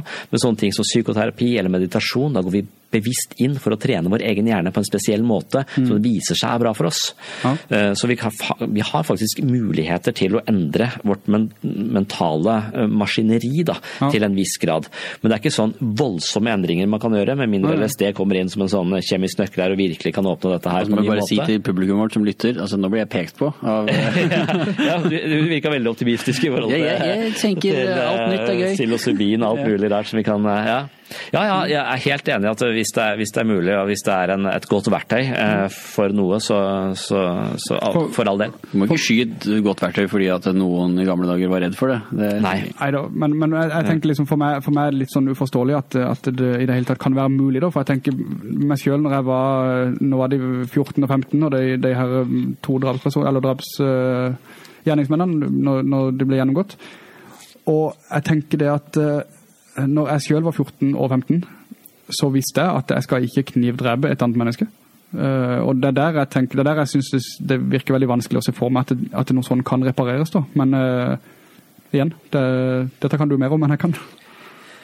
Ja, nei, eh, og jeg tror det er i, forskjellig grad det kan repareres. og det tror Jeg må stikke, og jeg vet ikke hvor kontroversielt det er å si det, men, men det, det virker på meg helt åpenbart at uh, i dette rommet, så det er tre stykker her, uh, vår på en måte genetiske disposisjon for uh, motorikk og evnen til å spille fotball er sikkert forskjellig.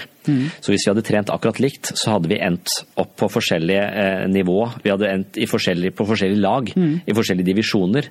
For at noen av oss hadde mer anlegg for det enn andre, Ja. mens, mens noen andre kunne nådd lenger på andre områder med mindre trening. Ja. Og, og akkurat vårt mentalapparatur er jo også litt sånn at det har potensialet for, eh, for noe kan være god på noe, men så kan det være dårlig på andre, Mm. andre ting. Så intelligens er jo én ting som, eh, som, som er ganske utslagsgivende for hvordan du gjør det i terapi f.eks., og hvilke Mm. muligheter du har til å endre og faktisk forstå hvordan endringen skal fungere. Da. Så, så det er, eh, men, men så viser det seg altså at det, at det finnes veldig mange forskjellige typer intelligenser. I hvert fall en som heter Claire Graves, som, eh, som eh, og en annen eh, Howard Gardner også, som skrev 'Frames of Mind', som mener at det, det finnes i hvert fall sju, og andre mener 21 forskjellige intelligenser. Så hver person må finne ut av hva de er gode på, så kan de utvikle seg ganske høyt på det området. Så vi har kanskje en emosjonell intelligens, vi har en uh, vanlig IQ, vi har kanskje musikalsk intelligens. Street smart, er det Street smart uh, kan være. Så det er, det er mange måter å være god på, men, men utviklings... Hjernen vil forandre seg hele tiden. For eh, Hvis denne samtalen her i det hele tatt setter seg Vi husker noe fra denne, så er det fordi vi har lagd mentale spor inni huet vårt, og det er noen synaptiske forbindelser som er forma avhengig ut ifra dette. Så vi er litt annerledes når vi går ut herfra. ikke sant? Ja. Og det har forandra oss. Så det er mulig å forandre eh, eh, mennesker, men noen ganger så vil vi ikke klare å forandre så alvorlige feil og mangler Nei. som fører til den typen groteske ting. Da. På den eh, flotte eh, Hva skal vi kalle det? den? Vet- Kan vi sitere deg på det? Fordi at det, eh, det at vi forandres ut fra ting vi utsettes for, Ja. eh, det syns jeg vi kan nesten runde av på her eh, på, på God nyhet. Fordi om ti minutter så skal jeg hente en partlevering med butter chicken i veien. For de stenger jo klokka ti, disse her luringene. Og du har jo sikkert familie som savner deg noe voldsomt nå. Du er borte i timevis. Så jeg håper de har lagt seg nå. Ja. Barna. det kan godt være. du får hjem og ta noe medisin mot eh, malaria. Ja, det kan være lurt i Ja. disse dager. Eh, nevne som tidligere òg podkasten Sinnsyn, som er din eh, podkast. Er det Sinnsyn er det- Legger du noe trykk på noen forskjellige Ja, vokaler? Sinnssyn, sier jeg, og det har jeg fra Daniel som heter Mindsight. Altså evnen til å se sitt eget sinn. Så det er sinnssyn det vi har snakket om i dag. Altså skape dette forståelsen av hvordan uh, hodet vårt eh, opererer. Og så er det en podkast til som heter Pastoren og psykologen, hvor jeg diskuterer ti timer med en, eh, med en pastor om uh, Guds Hvem- eksistens. Hvem vinner? Eh, Det får de som hører på avgjøre, men jeg, går ikke sånn veldig hardt inn for å vinne. For jeg har jo en idé om at det er bedre å ha gode relasjoner enn å ha rett. Ja. Så, jeg, er, okay. Så, jeg, så jeg liker han eh, Rune Tobiassen som mente veldig godt, så vi er, vi er gode venner. Men vi er veldig uenige når det kommer til eh, For å her, for å få tak i dette her eh, produktet, sinnsyn og eh, Ja, jeg er jo for- fortrinnsvis på iTunes, jeg, da. mm, også på Webpsykologen så ligger disse podkastene. Men Ja. de skal nå eh, på en måte få sin plass et annet sted, så de kan komme på litt flere plattformer, håper jeg. Ja. Mm. Jeg anbefaler eh, i aller, aller høyeste grad å ta en tur inn og høre på det, i hvert fall. Som tidligere nevnt òg, så har du eh, alle våre podcastepisoder på godnyhet.no. Der eh, snakker vi om alt og ingenting. Våre radioepisoder blir jo lagt ut der som podcast, naturligvis. Våre radioepisoder gjenger på torsdag klokken 21, reprise søndag klokken 23. Sondre, mange takk for du kom. Det var dritkult. Tusen takk. Takk for invitasjonen. Ja. Og Steffen, det var ganske ok at du var her. Jo, jeg, eh, jeg må bare stille opp jeg når du ringer. Akkurat. Vi avslutter med. Det var samtalen med Steffen og Tommy. Nå kan du enten skru av, eller fortsette å lytte til tanker om døden. Det følgende er altså delvis et utdrag fra boken som heter Psykologens journal, men også en del tanker som ikke fikk plass i journalen. Denne opplesningen er tidligere lagt ut på en annen podkast, men så vidt jeg kan se er det omtrent ingen som hører på den podkasten, hvorpå jeg altså legger den ut her også. Memento mori, husk du skal dø. I can't go to sleep, Brian. I'm scared. Of what? Of death. Well, you're not alone. The world is full of people who can't accept death, and they've all got their own ideas of what happens when we die. Really? Like what? Tell me. Are any of them blindly reassuring? Look, it's late. We'll talk about it first thing tomorrow. Geez, you know, I gotta say, it's weird to see you so worked up about this. I mean, you're not afraid of anything, even that monster in your closet. Ah, he's on his way out of here. ever since he violated the section of his lease that doesn't allow subletters. What are you talking about? I don't have anyone else in here. Just tell him the truth, Ethan. Thank you for doing this, Brian. No problem, Stewie. Our first stop today is a Jewish synagogue. Wow, every brick in this place is named after someone. Yeah, they do that to honor their donors. So that side of the building was donated by someone named Get Out of Our Town? No, I, I think that was the work of some shaved-headed gentleman, but, but we're here to talk about Judaism. So where do they think they go when they die? Well, you should try asking the rabbi. Although I should warn you, you might not get an answer. So where do Jewish people think they go when they die? Where do you think we go? Well, I don't know. That's why I'm asking you. Why do you think you're asking all these questions? I, I just, I just really want to know what happens. Do you think that's part of God's infinite plan? I think your whole religion is a sham just so you can get extra holidays off from work. Oh, gotta go. It's Buchwach.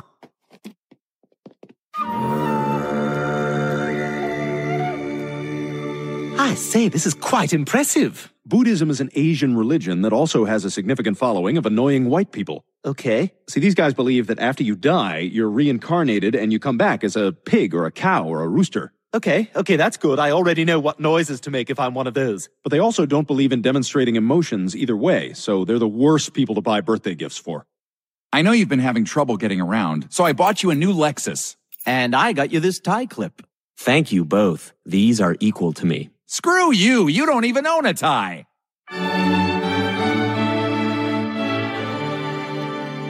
Now, the Catholics believe that as long as you accept Jesus before you die, anyone can get into heaven. Really? Anyone?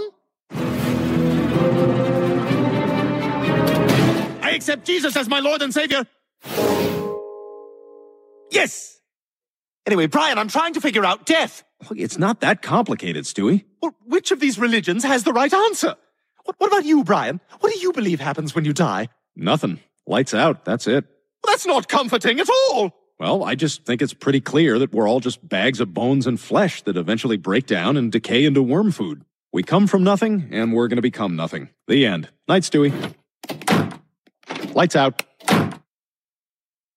Did you hear him, Rupert? Life is just a big joke. It's just sitting around waiting to die. But I can't live like that. I'd rather just end it. I'm going to take my own life. But first, I'm going to play ball in the house. Parents are right! Jeg ser meg godt for når jeg går over veien, spiser så sunt jeg klarer, og jeg trener uten å føle noen egentlig glede ved selve treningen. Mye av det jeg gjør er motivert av frykt for å dø, og det er slett ikke usannsynlig at mye av det jeg gjør handler om å forebygge en for tidlig død. Jeg er altså ganske redd for å dø. I denne episoden skal jeg likevel ha døden som tema. Jeg vil begynne å snakke om døden fra ateistens ståsted, og deretter ta for meg perspektivet fra religiøst hold. Er det sannsynlig at døden er endelig, og at alt vi er og har vært blir borte for godt? Eller finnes det noe som overlever kroppens død? Kan vi leve på nytt eller leve videre i en annen dimensjon etter at vår tilmålte tid her på jorden er over? Kroppen vår vil gradvis gå i oppløsning når livet ebber ut, men kan det hende at vi har en sjel eller en form for åndelig egenskap som ikke følger naturlovene? Forrige episode avsluttet med en samtale jeg hadde hatt med Espen. Han konfronterte meg i forhold til min egen tro. Jeg svarte at jeg ikke hadde noen tro, men Espen argumenterte for at de fleste ateister sverger til en form for naturalisme. Det baserer seg på en antakelse om at vi er biologiske vesener som har tilpasset oss livet etter revolusjonens betingelser. Vi opplever kanskje at livet er meningsfullt, at noe er vakkert, og at våre relasjoner har en spesiell kvalitet eller verdi, men dypest sett er dette bare en illusjon. Vi er genetisk og biologisk programmert til å omgås andre på en grei måte fordi vår overlevelse på sett og vis er betinget av evnen til å samarbeide i flokken. Espen avsluttet sitt angrep med følgende oppsummering. Ditt naturalistiske livssyn innebærer at livet er totalt meningsløst. Vi fødes, gjør så godt vi kan, blir syke og dør, og det er alt. Du er en totalt verdiløs fis i universet. Dette er en livsfilosofi du forfekter med sitatet fra Richard Dawkins, som er ypperste prest for et naturalistisk livssyn. Har du egentlig tenkt godt nok over dette? Det tror jeg ikke du har. Kanskje har Espen rett, men i denne episoden skal jeg tenke mer på det. Espen mener at et kristent livssyn er forenlig med vår intuitive opplevelse av livet som verdifullt og meningsfullt. Naturalisme er derimot en livsfilosofi som ikke gir gjenklang i vår opplevelse av oss selv og livet. Men selv om naturalisme kanskje ikke føles riktig, betyr ikke det at vi har en sjel. Av og til er sannheten svært ubehagelig. I en ganske skarp tone kommer Espen med følgende uttalelse. Dersom du virkelig innrømmer konsekvensene av din egen livsfilosofi, altså naturalisme, trenger du sterke forsvarsmekanismer eller sterke rusmidler. Dette sier han med et fandenivoldsk smil om munnen, og han treffer et av mine svakeste punkter. Dødsangsten og frykten for meningsløshet. I denne episoden skal vi ta døden på alvor, og jeg vil forsøke å vende så mange argumenter som mulig. Døden Espens refleksjoner rundt naturalisme trigget et eksistensielt ubehag hos meg. Døden har jeg problemer med, og jeg tror ikke at jeg er veldig uvanlig på dette området. På den ene siden har jeg grublet over døden så lenge jeg kan huske, mens på den andre siden er døden noe jeg har anstrengt meg for å holde på avstand. Jeg kan leve og ha det godt i lang tid, men så plutselig kommer jeg på døden og opplever at tilværelsen blekner. Etter en stund må jeg tvinge meg selv til å tenke på noe annet i frykt for at mannen med ljåen skal få overtaket. Espens innspill minnet meg på døden. Det var et uh, memento mori. This is Paige, the co-host of Giggly Squad, and I want to tell you about a company that I've been loving, Olive and June. Olive and June gives you everything that you need for a salon quality manicure in one box. And if you break it down, it really comes out to $2 a manicure, which is absolutely insane.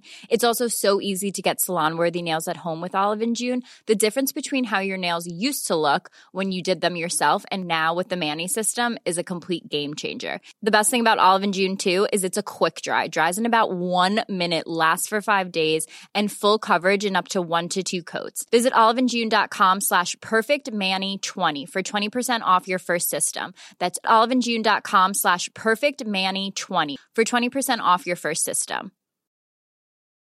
Ready to pop the question? The jewelers at BlueNile.com have got sparkle down to a science with beautiful lab grown diamonds worthy of your most brilliant moments. Their lab grown diamonds are independently graded and guaranteed identical to natural diamonds, and they're ready to ship to your door. Go to BlueNile.com and use promo code LISTEN to get $50 off your purchase of $500 or more. That's code LISTEN at BlueNile.com for $50 off. BlueNile.com code LISTEN.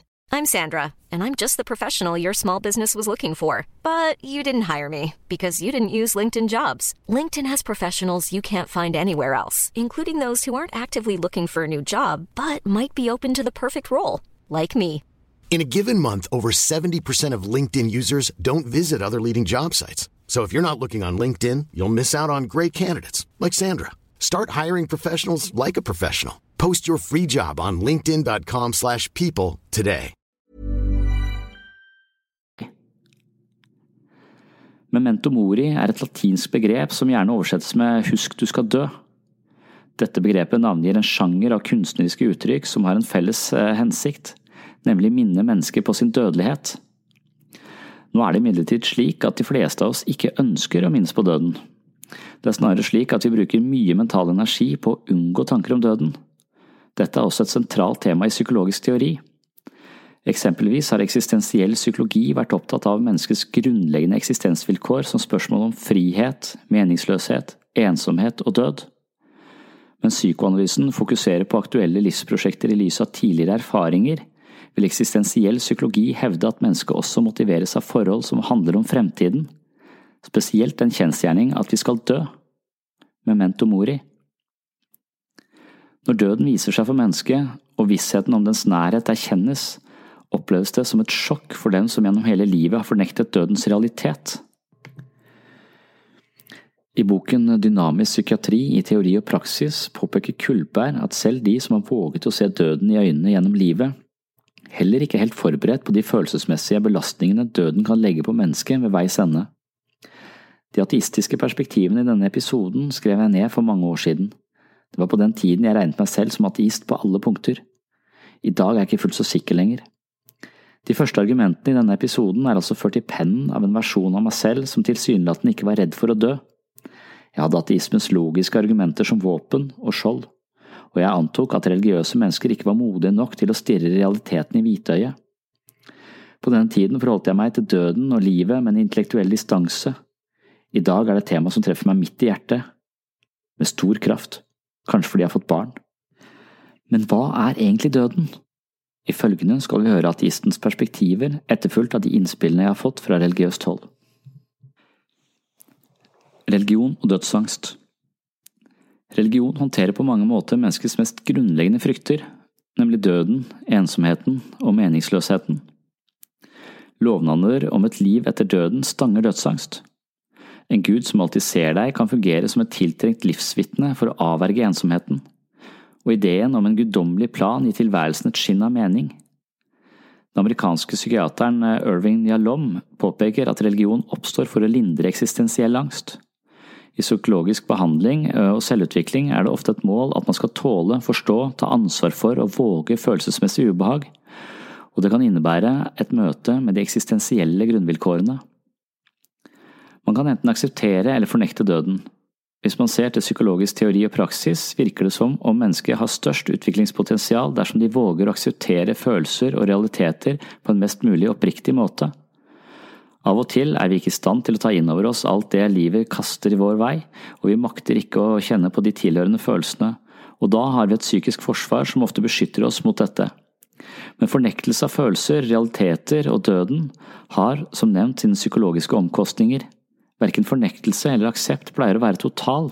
Mennesker beveger seg ofte i spenningsfeltet mellom disse to polene, og hvor vi til enhver tid befinner oss på dette eh, kontinuumet, avhenger av både fysiske og psykologiske faktorer. Dersom vi legger frykten for døden, meningsløshet, frihet og ensomhet i fanget på Gud, er jeg lom blant de som mener at det er en unnvikelsesmanøver vi ikke er tjent med på lengre sikt. På bakgrunn av en lignende forståelse sammenligner Freud religion med barndomsnevroser. Ideen innenfor mye psykologisk teori er at de følelsene, konfliktene og ubehagelige erkjennelsene man flykter ifra, kommer til å jage oss hele livet. Istedenfor å møte vår frykt, blir livet en lang flukt. Dette kan skape psykiske spenninger og en indre uro, og på sikt kan vi utvikle symptomer og tegn på psykisk lidelse. Noen drikker alkohol eller spiser piller for å unngå psykisk ubehag, andre jobber døgnet rundt eller utvikler tvangstanker som okkuperer tankevirksomheten slik at man ikke får fokus på de underliggende følelsene eller den frykten og smerten som skjuler seg i periferien av vår bevissthet. Det er menneskets fluktstrategier som beskytter oss mot vanskelige følelser, men det er ikke uten helsemessige omkostninger. Mye religion tilbød trøst ved å benekte døden som den siste slutt. Tanker om sjelens overlevelse, dom, frelse, paradis, gjenforening med sin kjære, reinkarnasjon eller sjelevandring er fristende for mennesket, rett og slett fordi døden alltid hjemsøker oss med sitt mørke nærvær. Noen ganger i horisonten av vår bevissthet, og andre ganger er døden tett innpå livet. Religion kan med andre ord ha en emosjonelt beroligende effekt, men det betyr ikke at den er sann eller bra for mennesket. Det er mange ting som umiddelbart virker velgjørende, men på lengre sikt er skadelig for eksempel heroin. Jeg er selv en stor tilhenger av den amerikanske psykiateren Irvin Yalom, og spesielt det han skriver av både fagbøker og skjønnlitterære verk om eksistensielle spørsmål.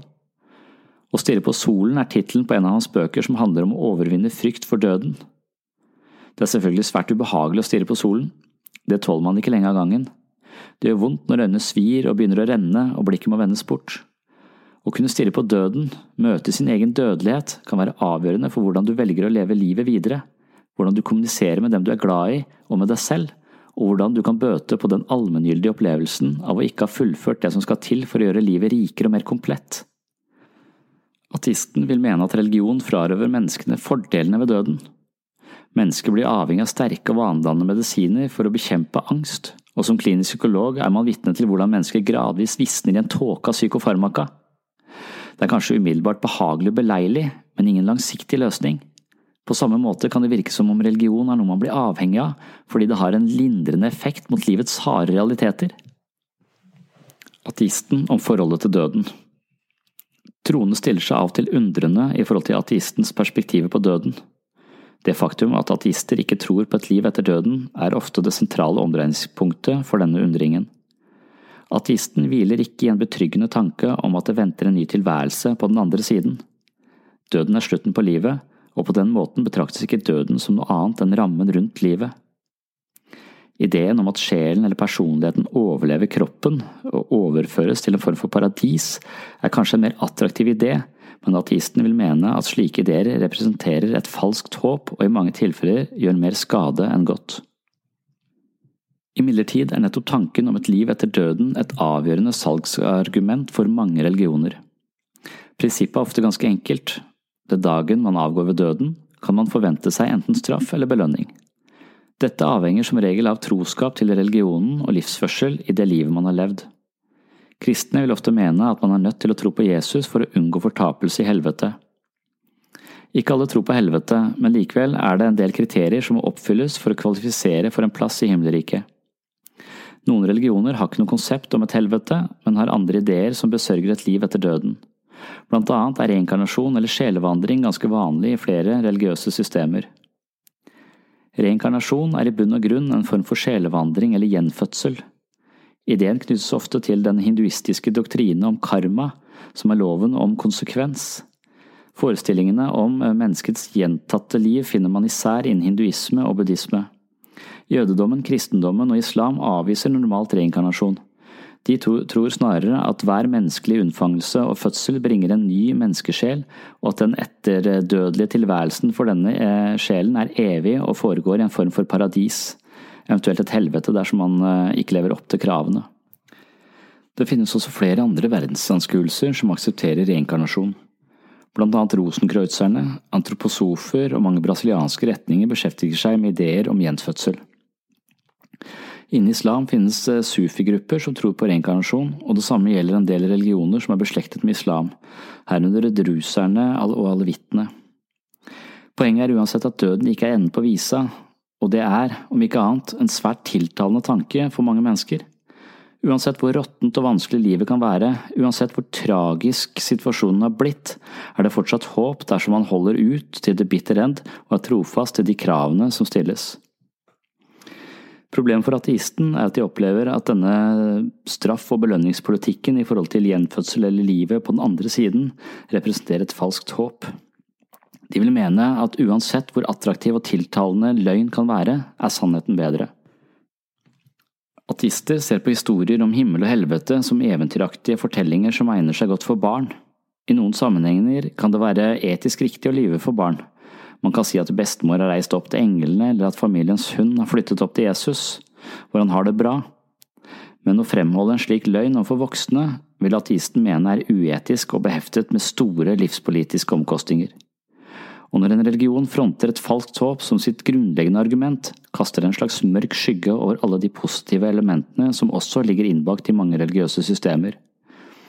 For ateisten blir alle de gode gjerningene som utføres i religionens navn, tilsløret fordi den bakenforliggende motivasjonen virker suspekt.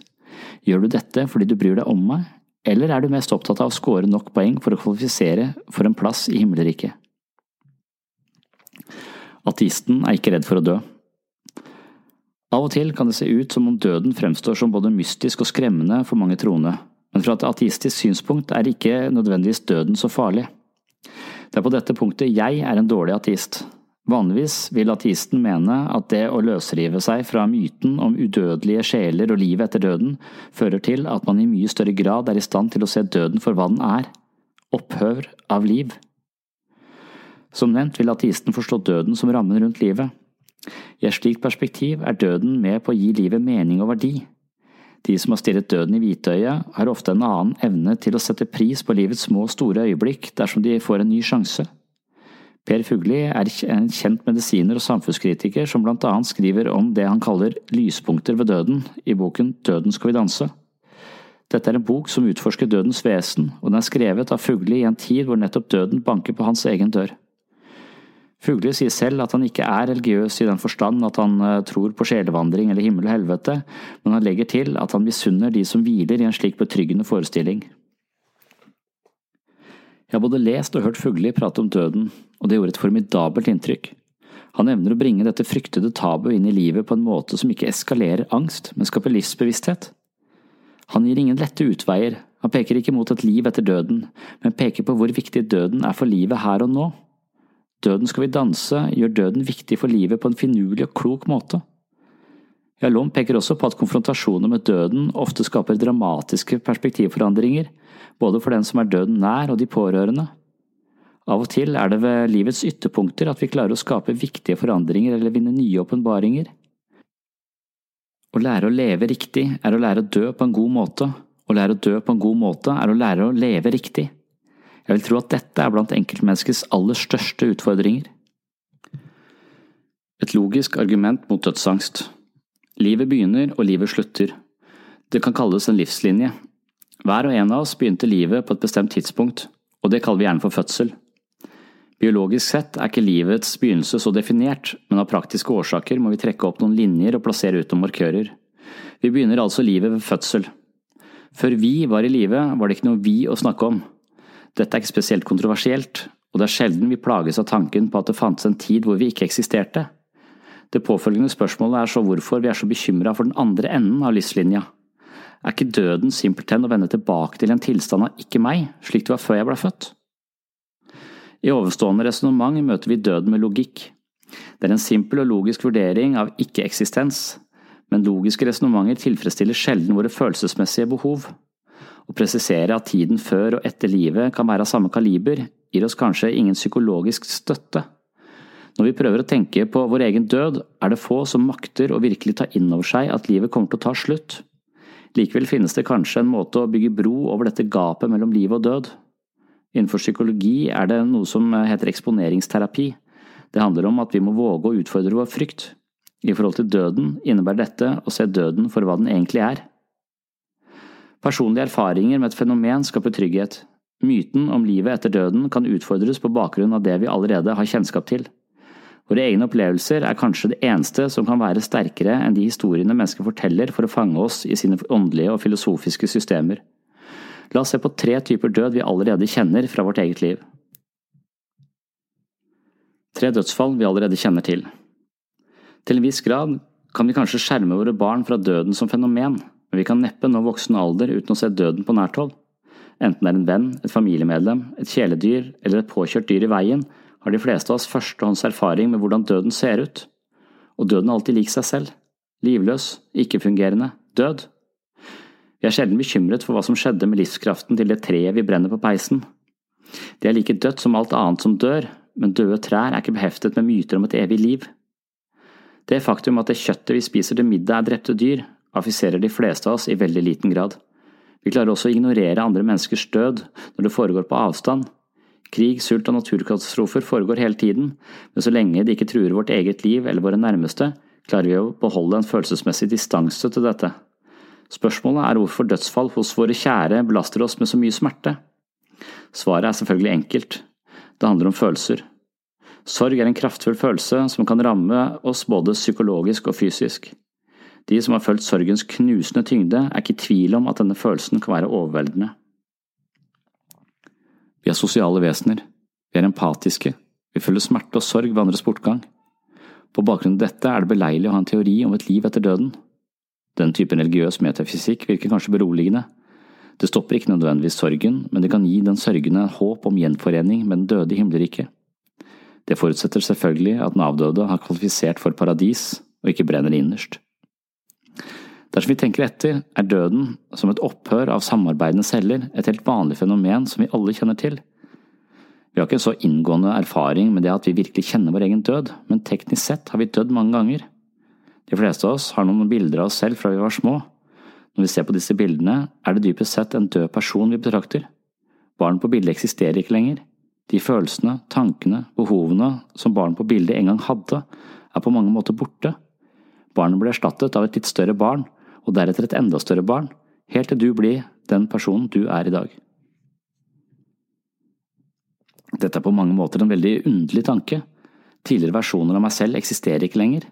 Alle de cellene som i dag utgjør min kropp, er noen andre enn de cellene som utgjør barnet på bildet. Min størrelse, mine tanker og holdninger er forandret. Jeg er forandret. Det er kanskje en viss likhet mellom det jeg ser på bildet og den jeg er i dag, men denne likheten er ikke større enn den likheten som foreligger mellom meg og min datter.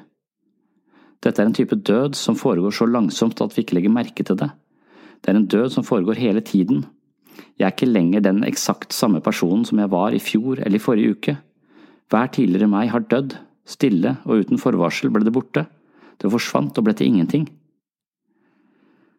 For de fleste av oss er ikke dette noe vi opplever som særlig trist, men dersom det virkelig går opp for oss, kan også denne typen død fremkalle triste følelser.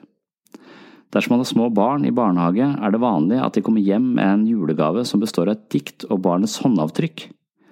Diktet er skrevet av Inger Hagerup, og diktet er både trist og rørende nettopp fordi det synliggjør den stilltiende døden jeg forsøker å beskrive. Diktet går som følger. Her er mitt lille avtrykk, så du kan huske og forstå hvor søte hender jeg hadde den gangen de var små. Det hender du blir lei deg fordi jeg er så liten, jeg setter merker alle steder og gjør deg ganske sliten. Men hver dag blir jeg større, ja, en dag blir jeg stor, og alle mine avtrykk blir bare svake spor. Det lille barnet vi elsket og beundret, vil gradvis forsvinne. Kan hende at dette heller ikke er noe overbevisende argument for at døden er en del av livet, men hva med det dødsfallet vi opplever hver kveld? Når du befinner deg i dyp, drømmeløs søvn, beholder du ingen minner eller selvbevissthet. Du kan ikke handle eller reagere, og tiden opphører å eksistere. For alt vi vet, opphører vi å eksistere i den dypeste søvnen.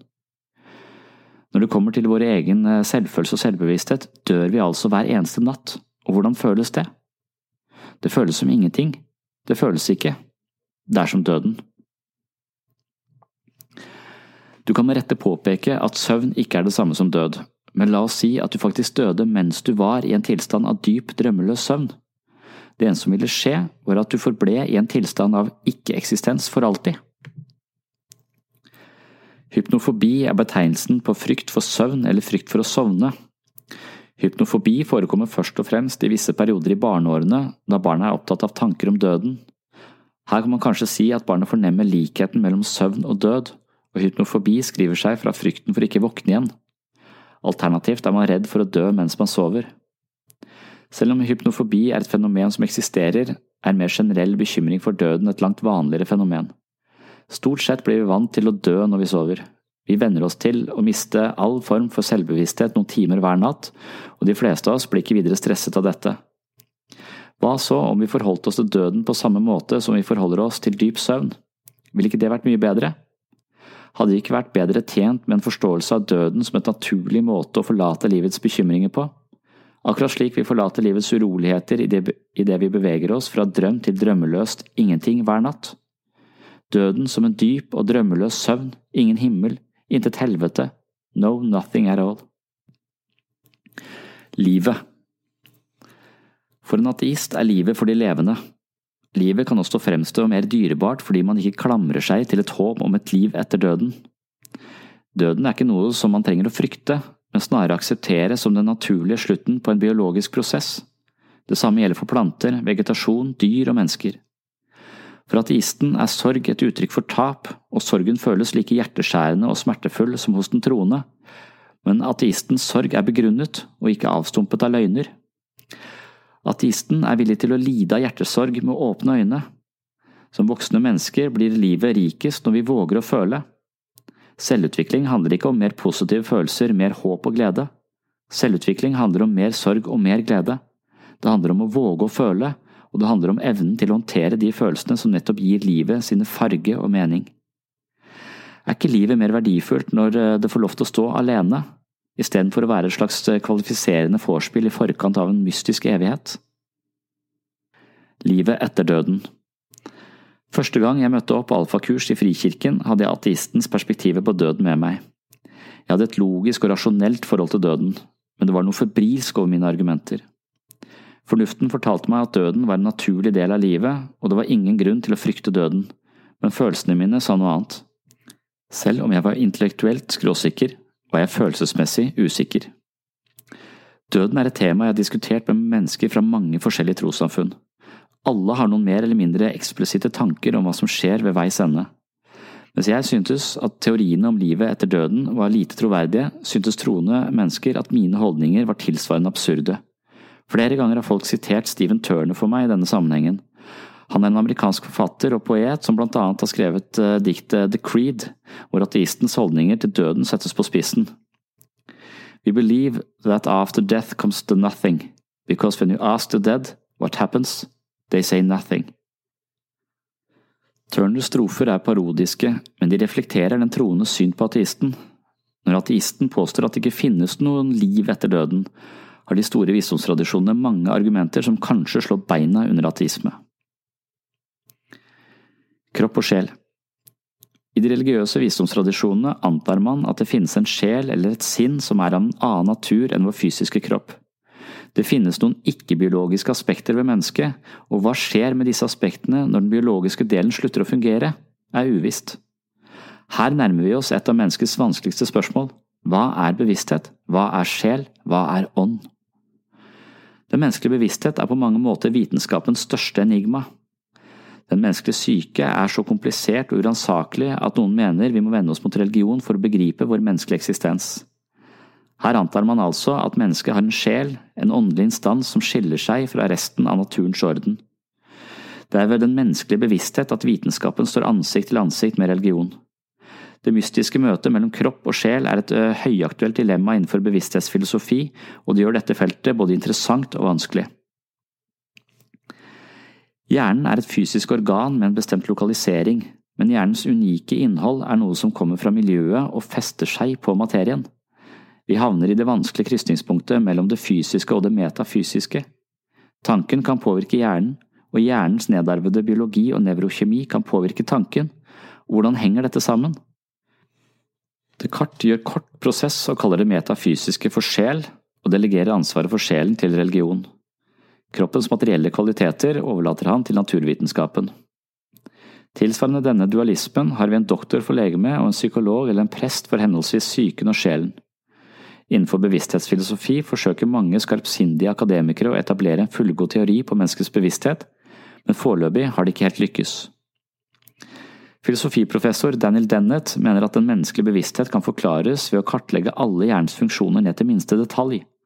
Han lener seg på naturvitenskap og forfekter at vi kan etablere en tilfredsstillende forståelse av menneskets syke ved å kartlegge enkeltdeler og se på hvordan disse kommuniserer seg imellom. Dennett mener at en slik teori og forklaringsmodell må forankres i naturvitenskap. Kritikken mot Dennett og andre tilsvarende materialistiske bevissthetsteorier er at de reduserer mange av de særegne menneskelige kvalitetene til mekanikk, nevrologi og kjemi. Mennesket har gjerne en opplevelse av å være noe helt spesielt i skaperverket. Vi betrakter oss ofte som spirituelle eller åndelige skapninger med helt spesielle evner og egenskaper. Vi er lidenskapelige, kommunikative, kreative, tenkende og følende individer, og mange vil hevde at man ikke kan forklare vår eksistens i et naturvitenskapelig rammeverk. Vi kan simpelthen ikke redusere vår menneskelighet til nevrokjemi og kognitive funksjoner i hjernen, slik Dennett påstår. Det finnes dermed en rekke teoretikere som mener at bevisstheten ikke kan forklares ved hjelp av naturvitenskap alene, og professor i filosofi John Searle er blant disse. Searle vil ikke forstå bevisstheten som en vare produsert av en bevissthetsfabrikk. Han vil heller ikke godta at bevisstheten er noe som forårsakes av enkelte kognitive funksjoner i samhandling. Hvis vi tenker på bevissthet på denne måten, ender vi opp i en forklaring hvor den materielle hjernen produserer noe åndelig, Searle liker ikke ideen om at hjernen er en produsent av spøkelser eller ånd. Denne forståelsen vil uunngåelig ende i dualisme, skal vi tro på Searle. I et naturvitenskapelig rammeverk er ikke dualisme en attraktiv forklaringsmodell. Det betyr at vi blir nødt til å dele opp mennesket i kropp og sjel, og da kommer man litt for tett på de religiøse forklaringene. Istedenfor dette alternativet foreslår Søl at bevisstheten er en emergent egenskap ved hjerneprosesser. Akkurat som vann er vått, er hjernen bevisst, det er sjelden vi støter på tusen år lange filosofiske diskusjoner om hvorfor vann er vått. Man kan ikke si at vannet produserer våthet, og på samme vis kan man ikke si at hjernen produserer bevissthet. Vann er vått og hjernen er bevisst. Uten vann er det ikke vått, og uten hjerne er det ikke bevissthet. Så enkelt er det. Men så enkelt er det ikke.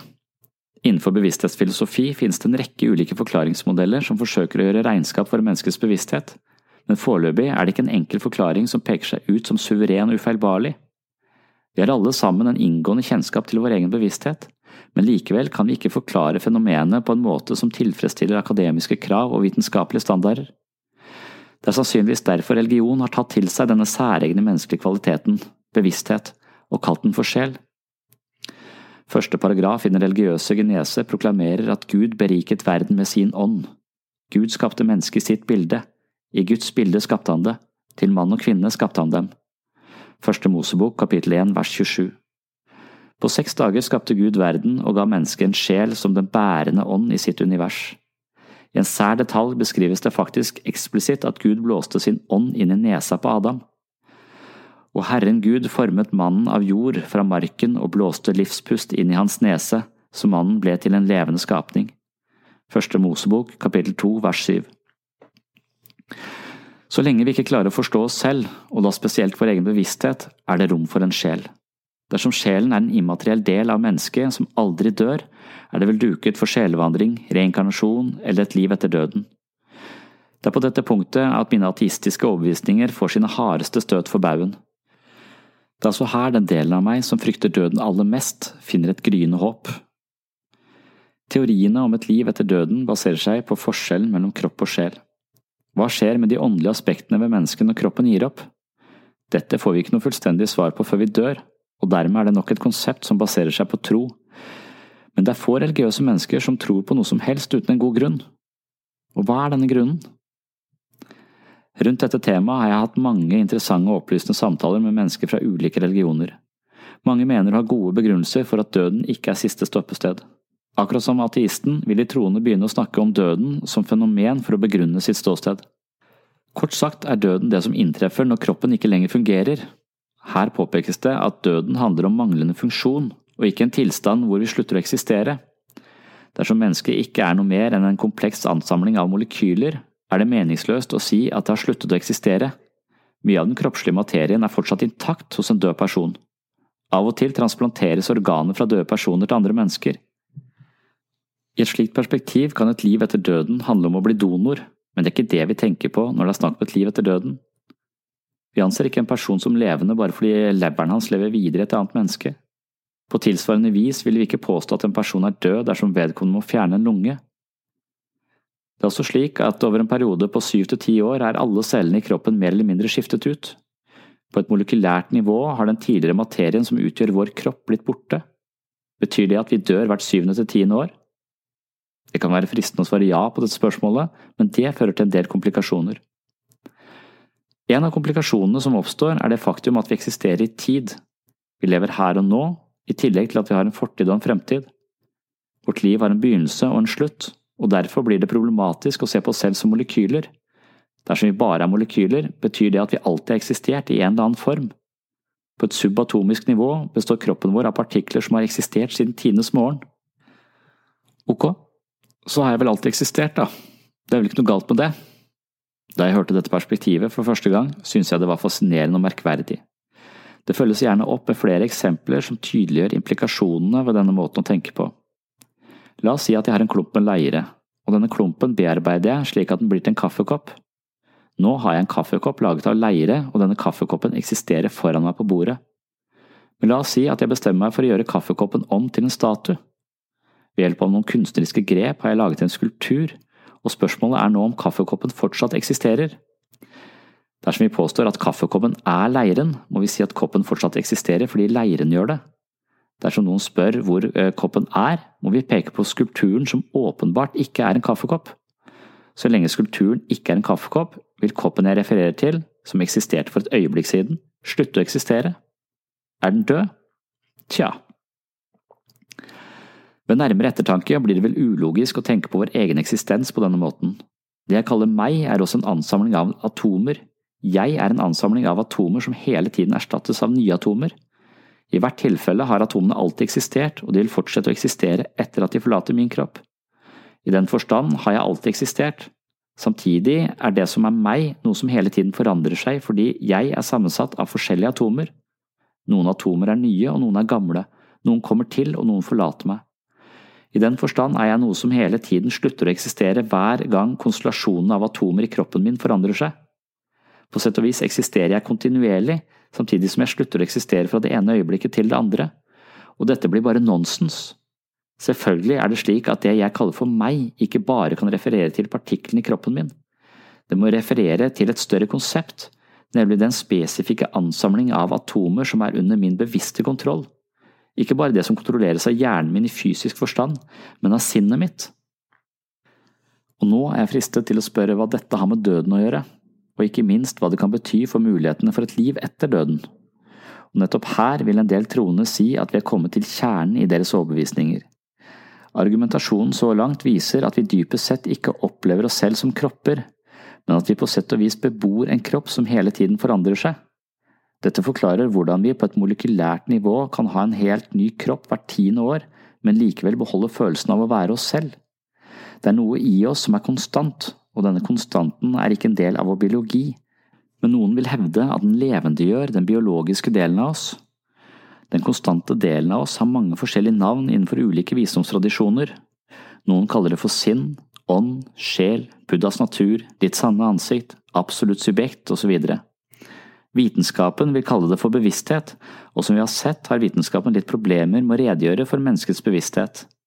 Når vitenskapen blir oss svar skyldig, og vår egen subjektive erfaring forteller oss at vi er noe mer enn en ansamling av atomer, er det kanskje ikke så vanvittig at man gir sjelen en plass i menneskets eksistensielle regnskap.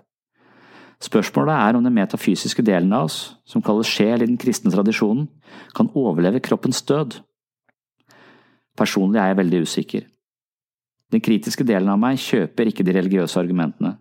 Samtidig er jeg i en form for konflikt på dette området. Rent intuitivt har jeg en klar fornemmelse av å være noe mer enn atomer, molekyler, nevroner og materie, men jeg vet også at fornemmelser ikke alltid er det som gir oss de mest korrekte vurderingene av virkeligheten. Persepsjonspsykologien er full av eksempler på hvordan vi feilvurderer oss selv og verden.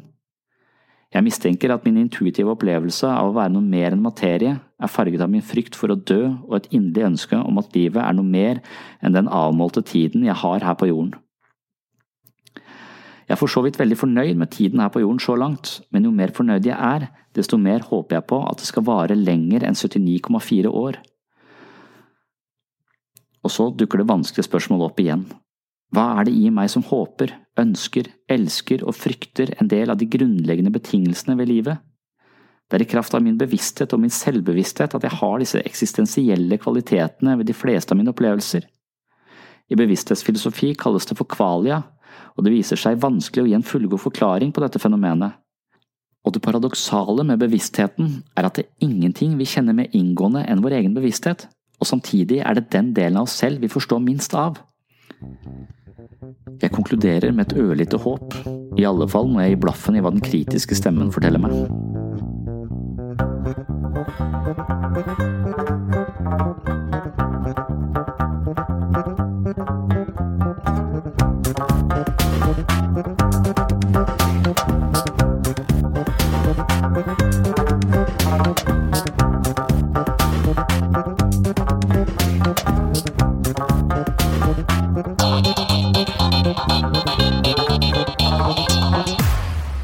Hvis du liker podkasten, håper jeg at du rater den i iTunes. Det er blant annet tilbakemeldinger i iTunes som sørger for at sinnssyn blir sett og plukket opp av flere folk. Målet vårt er å spre kunnskap og interesse for menneskets indre liv i et filosofisk eller psykologisk perspektiv til så mange som mulig. Du kan hjelpe oss ved å anbefale podden til folk du kjenner, dele den i sosiale medier, eller gi den stjerner og kommentarer i iTunes. Alle monner drar, og tusen hjertelig takk til alle dere som allerede har gjort dette. Det varmer å lese de særdeles positive innspillene i kommentarfeltene på iTunes. Ellers nevner jeg til det kjedsommelige at jeg har tre bøker for salg på webpsykologen.no. To av bøkene handler om selvfølelse, selvbilde og perspektivet på selvutvikling, mens min nyeste bok, Psykologens journal, handler om de store spørsmålene i livet. Boken handler om mitt møte med religion.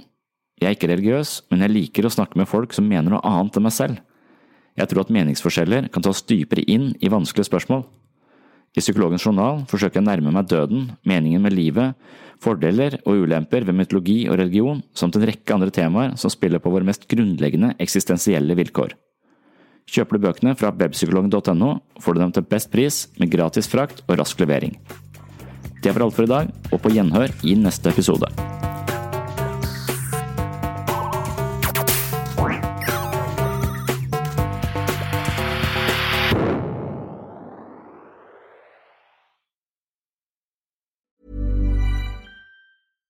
Hi, I'm Daniel, founder of Pretty Litter. Cats and cat owners deserve better than any old fashioned litter. That's why I teamed up with scientists and veterinarians to create Pretty Litter. Its innovative crystal formula has superior odor control and weighs up to 80% less than clay litter. Pretty Litter even monitors health by changing colors to help detect early signs of potential illness. It's the world's smartest kitty litter. Go to prettylitter.com and use code ACAST for 20% off your first order and a free cat toy. Terms and conditions apply. See site for details. Even when we're on a budget, we still deserve nice things. Quince is a place to scoop up stunning high end goods for 50 to 80% less than similar brands. They have buttery soft cashmere sweaters starting at $50, luxurious Italian leather bags, and so much more. Plus, Quince only works with factories that use safe, ethical, and responsible manufacturing. Get the high-end goods you'll love without the high price tag with Quince. Go to quince.com/style for free shipping and 365 day returns. Mom deserves the best, and there's no better place to shop for Mother's Day than Whole Foods Market. They're your destination for unbeatable savings, from premium gifts to show-stopping flowers and irresistible desserts. Start by saving 33% with Prime on all body care and candles. Then get a 15-stem bunch of tulips for just $9.99 each with Prime. Round out Mom's menu with festive rosé, irresistible berry chantilly cake, and more special treats. Come celebrate Mother's Day at Whole Foods Market.